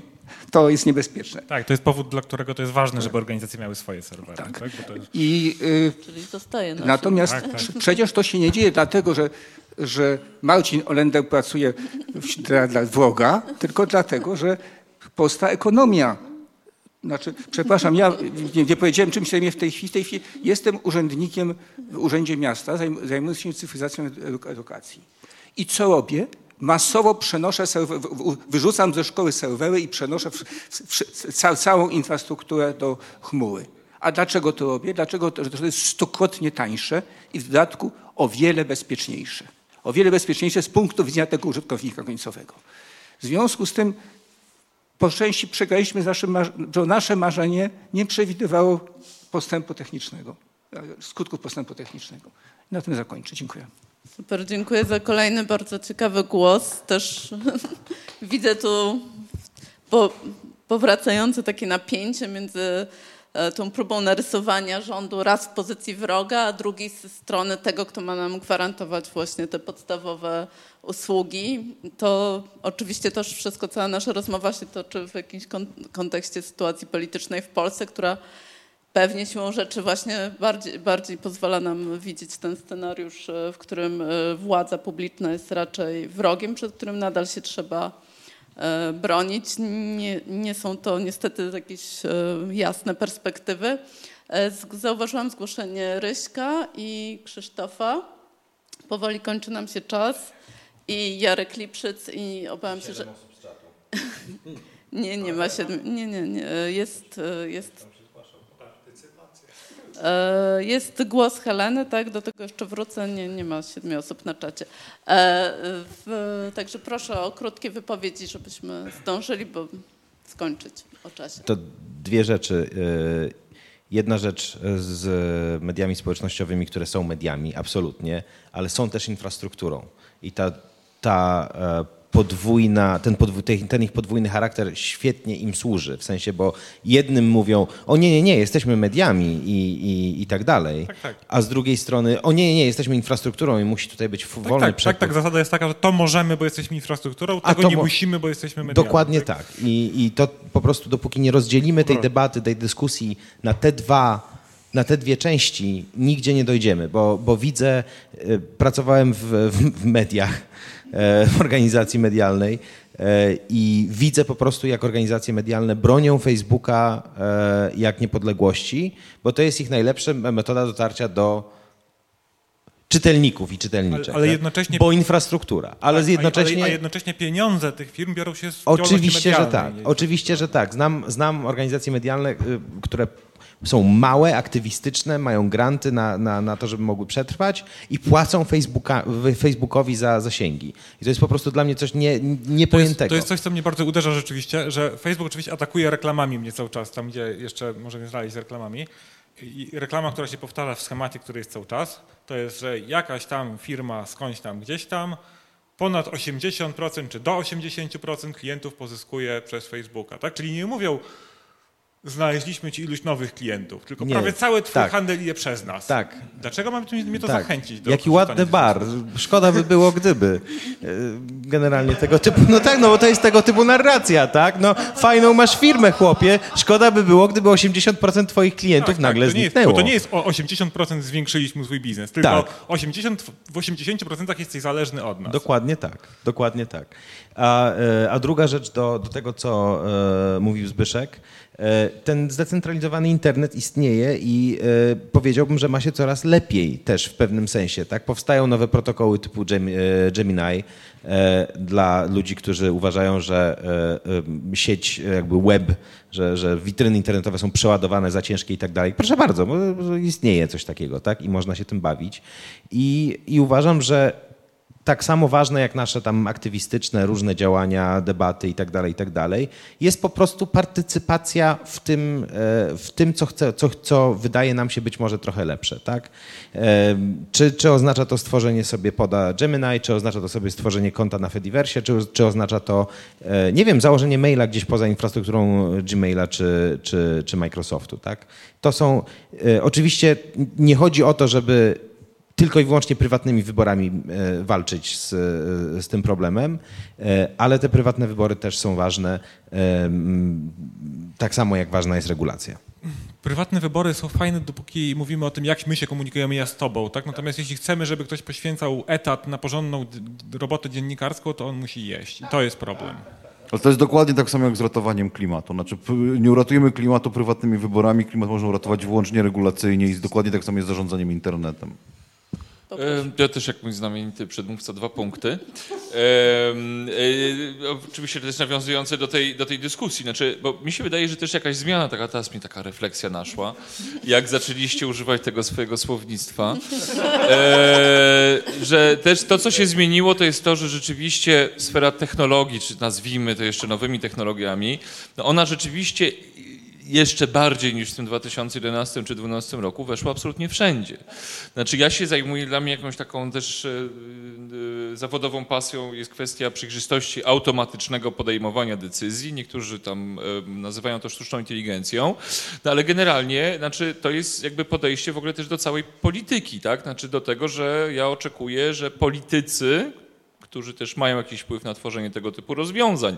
No bo właśnie, bo tutaj zaszywasz nawet nie tyle, znaczy w tym kodzie nie zaszywasz czegoś, co nauczyłeś, nie w technikum informatycznym, e, tylko polityki publiczne, tak? które się gdzieś tam ukrywają i te polityki publiczne są nierozliczalne, ludzie, nie wiadomo, no komputer, tak? E, e, pewnie tam część, e pamięta taki serial był Mała Brytania, Little Britain i tam computer says no. Nie? I to jest, i, i to jest dla mnie coś takiego, o czym e, powinniśmy jakby też pamiętać i dbać o to i dlatego na przykład moim zdaniem Partia Piratów nie wyszła, przepraszam, tak patrzę, znaczy, że a wyszła w Czechach, gdzie oni w ogóle się... Zdumiewające jest to, że... Na my... bardzo e, że... szerokie wody weszli, rozumiejąc, przepraszam Wodku, że jakby, że ta technologia już wpłynęła, ta, ta wielki statek technologii wpłynął na, e, na morze e, państwowości. Zdumiewające jest to, że liderzy czeskich piratów, Mikuláš Peksza, dzwonią do nas i się ciągle jeszcze nas pytają, jak to zrobić, tylko że oni to, oni to zrobili w ten sposób, że teraz wchodzą do rządu właśnie w Czechach, a, a u nas to nie powstało. Jedną z rzeczy to było to, że oni mieli jednak już w tym momencie społeczeństwo znacznie bardziej dojrzałe społeczeństwo obywatelskie, w związku z tym oni mogli finansować się ze składek. Dzisiaj można sfinansować ruch społeczny ze składek i OKPS, nie tylko OKPS tego dowodzi. I Akcja Demokracja i wiele innych rzeczy. I natomiast, bardziej wolne lektury. Natomiast w czasie... I, i, i wolne, natomiast, natomiast w czasie, kiedy myśmy y, robili ISOC, sfinansowanie elementarne, nawet biura, utrzymania biura z, nie, ze składek nie, było nierealne. Wiesz, ja też kiedyś mam jakiś epizod w ministerstwie innym i wiele lat wcześniej, to też musiałem długopisy przynosić na przykład ze sobą. Takie, no takie, takie były realia. W tej, dyskusji, w tej dyskusji o tym, co rozumiemy przez tą, e, przez tą e, właśnie przez tą nierozliczalność e, mhm. sztucznej inteligencji, jest tak, że ta, ten buzzword sztucznej inteligencji, on właśnie obiecuje za dużo i przez to mydli oczy. Tak, machine learning nie jest dużo lepsze. Ja proponuję termin administracja algebraiczna. Okej, okay. nie, to jest e, dla mnie do, do, przyjęcia. No ja patrzę jakby e, tym to, to automatyczne podejmowanie decyzji, ale tak, tak oczywiście masz, masz rację. Ja też nie lubię tego, tego pojęcia sztuczna inteligencja, bo to takie pomysły ludziom przychodzą wtedy do głowy, że e, naprawdę czuję się mało inteligentny. E, ale druga kwestia jeszcze, e, to jest kwestia, która tylko jakby, no tu ja bardziej w sumie patrzę na, na, na ciebie, Marysiu, na ciebie, Jarku, e, dyskusja, która może gdzieś tam się odbyć jeszcze, e, bo tu trochę nam e, to, to przeniknęło, a dla mnie też to jest jakiś fascynujący temat. No właśnie kwestia tej regulacji, powiedzmy, debaty publicznej, czy w ogóle regulacji w kontekście firmy, versus państwo, co wolimy. I, I, często patrzę na to zero-jedynkowo w jakimś sensie, a ja zawsze, wiem, że ty Rysiek też, też masz, tak powiem, kontakty z różnymi opozycjonistami, na przykład w Rosji, no to dla nich pomysł w ogóle, kurde, regulacji, że państwo powinno przejmować od tych złych korporacji, no, nie? E, więc e, no to jest zupełnie, a, a jak rozmawiam z kimś, nie wiem, z Wielkiej Brytanii, no to jak przejmuje. inaczej? Znaczy kto, jak nie, prawda? E, wybrany, kto już tam jest premierem tego rządu, nieważne, ale jednak demokratyczny. A internet ten sam. To są różne państwa, ale wydaje mi się, że w tej dyskusji my niestety, i dlatego fajnie ja też lubię patrzeć na Polskę jako taki, czy środowisko aktywistów, jako taki pomost trochę pomiędzy wschodem a zachodem, a teraz, nie wiem, gdzieś w rozkroku głębokim szpagacie e, stojącym, takim już, wiecie, e, e, pogłębionym, e, to e, mi się wydaje, że to jest ważne, żeby w ogóle jakoś e, mówić więcej o tym. Jest w tej chwili przecież projekt tej ustawy, która która ma chronić wolność w internecie. Tak? Ona też zawiera dosyć niebezpieczne przepisy, z moim zdaniem. Gdzieś tam sympatyzuje z celem e, te, tej ustawy. Więc e, zróbcie, słuchajcie, bo ta wydaje mi się, że wyszła całkiem spoko. Dziękuję, to jest po prostu miód na, moje, na mój młyn. Ja tak, e, też tutaj marzę o tym, żeby e, Fundacja Nowoczesna Polska wróciła do polityki, chociaż są dobre argumenty za tym, żeby tego nie robiła. Głównie są to argumenty finansowe. Jak wiecie, robimy wolne lektury, a i tak coś bardzo użytecznego, niepolitycznego, a i tak walczymy o przetrwanie. Od razu tutaj zachęcam Państwa do dorzucenia się do wolnych lektur. Dzięki temu dzieciaki w całej Polsce za darmo będą czytały książki, nie tylko lektury szkolne, które mogą trochę przerażać, ale też e, fantastyczne książki z klasyki literatury polskiej i światowej. Słuchajcie, zostało nam pięć minut i ja chyba niestety już zamknę w tym momencie dyskusję. Oczywiście. E, też przekazuję bardzo e, pozdrowienia i podziękowania od Michała Boniego, który już musiał się e, rozłączyć. Konrad Gliściński też już musiał się rozłączyć. Konrad Gliściński cały czas słucha a, i wszystko a, słyszy. Przepraszam, przepraszam. I jak przychodzi do dyskusji, czy państwowe, czy, czy, czy przychodzi państwowe, patrzy. czy publiczne, to, to ja jednak jestem po stronie państwowego. Super, to tak, to przekazuję, nie wiem, czy to usłyszeliście, przez to, to był głos, na, mimo wszystko wszystko państwo, tak, tak bym to streściła. Tak, żadne korporacje nas nie uratują, naprawdę nie ma w co w to wierzyć. Tak, to mi się wydaje, że to chyba mamy jasność w tej sprawie. Znaczy, znaczy ja Ale może nie. Ja Dobrze, słuchajcie, czuję... Osobne seminarium, tak, usłyszałam. E, tutaj ja obiecuję, że będę naciskać na prezesa, w tej sprawie. E, słuchajcie, zostało nam pięć minut. E, Jarek, dosłownie dwie minuty podsumowania. Ja potrzebuję jedną. Ja chciałem bardzo wszystkim podziękować, dlatego że e, kiedy, kiedy żeśmy policzyli na początku, że ta debata musi trwać trzy godziny, inaczej po prostu nie, nie zdążymy dać każdemu możliwości wypowiedzenia się, to ja miałem takie poczucie, że, że to jest abstrakcja. Znaczy, kto wytrzyma debatę trzy godziny? Że przecież my tu umrzemy z nudów, a publiczność w szczególności. Nie wiem, jak się robi publiczność, bo e, bo ja na przykład radzę sobie z problemem e, e, internetu w ten sposób, że po prostu go eliminuję. Moja komórka wygląda obecnie tak e, i staram się to robić tak skutecznie, jak tylko mogę. Natomiast, natomiast ja tu siedzę po prostu jak na, jak na szpilkach. No po prostu co jedna wypowiedź, to, to ten. No, trzy godziny czekałem na wypowiedź Władka po prostu, która po prostu mnie w ogóle tutaj...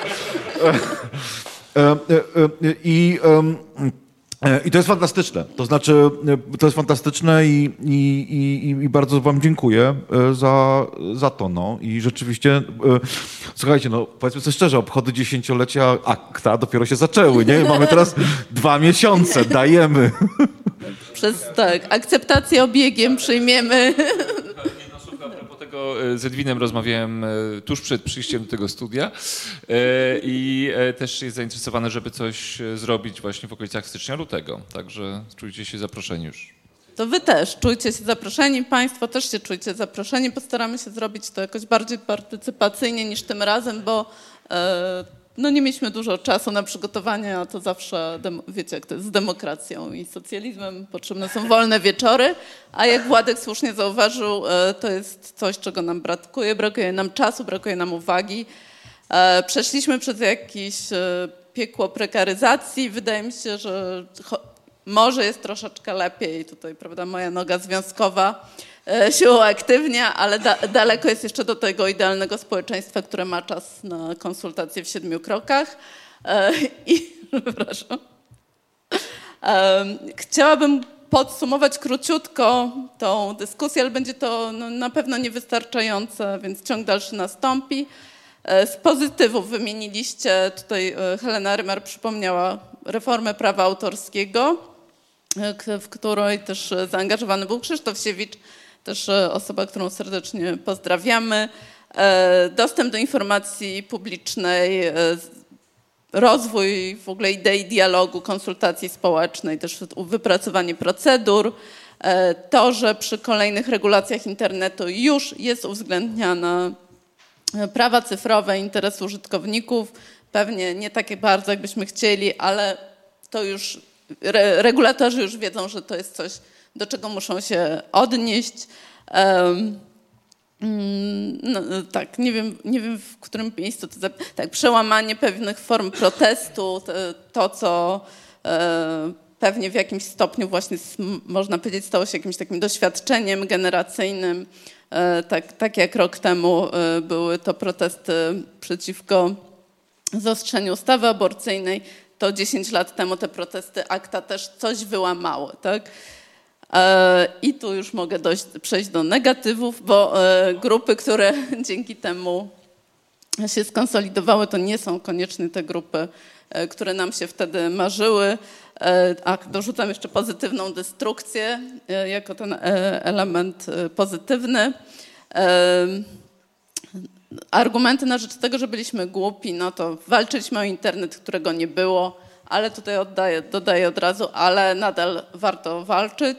E, nie rozumieliśmy kapitalizmu, nie rozumieliśmy kapitalizmu kalifornijskiego, nie rozumieliśmy, co reguluje życie ludzi, ich zaangażowanie, e, kwestie po prostu podstawowego zabezpieczenia bytu, kwestie też e, kapitalizmu czy monetyzacji uwagi, która stała się prawda, głównym narzędziem jakby zarządzania właśnie przejmowaniem kapitału z naszego życia na, na rzecz e, korporacji.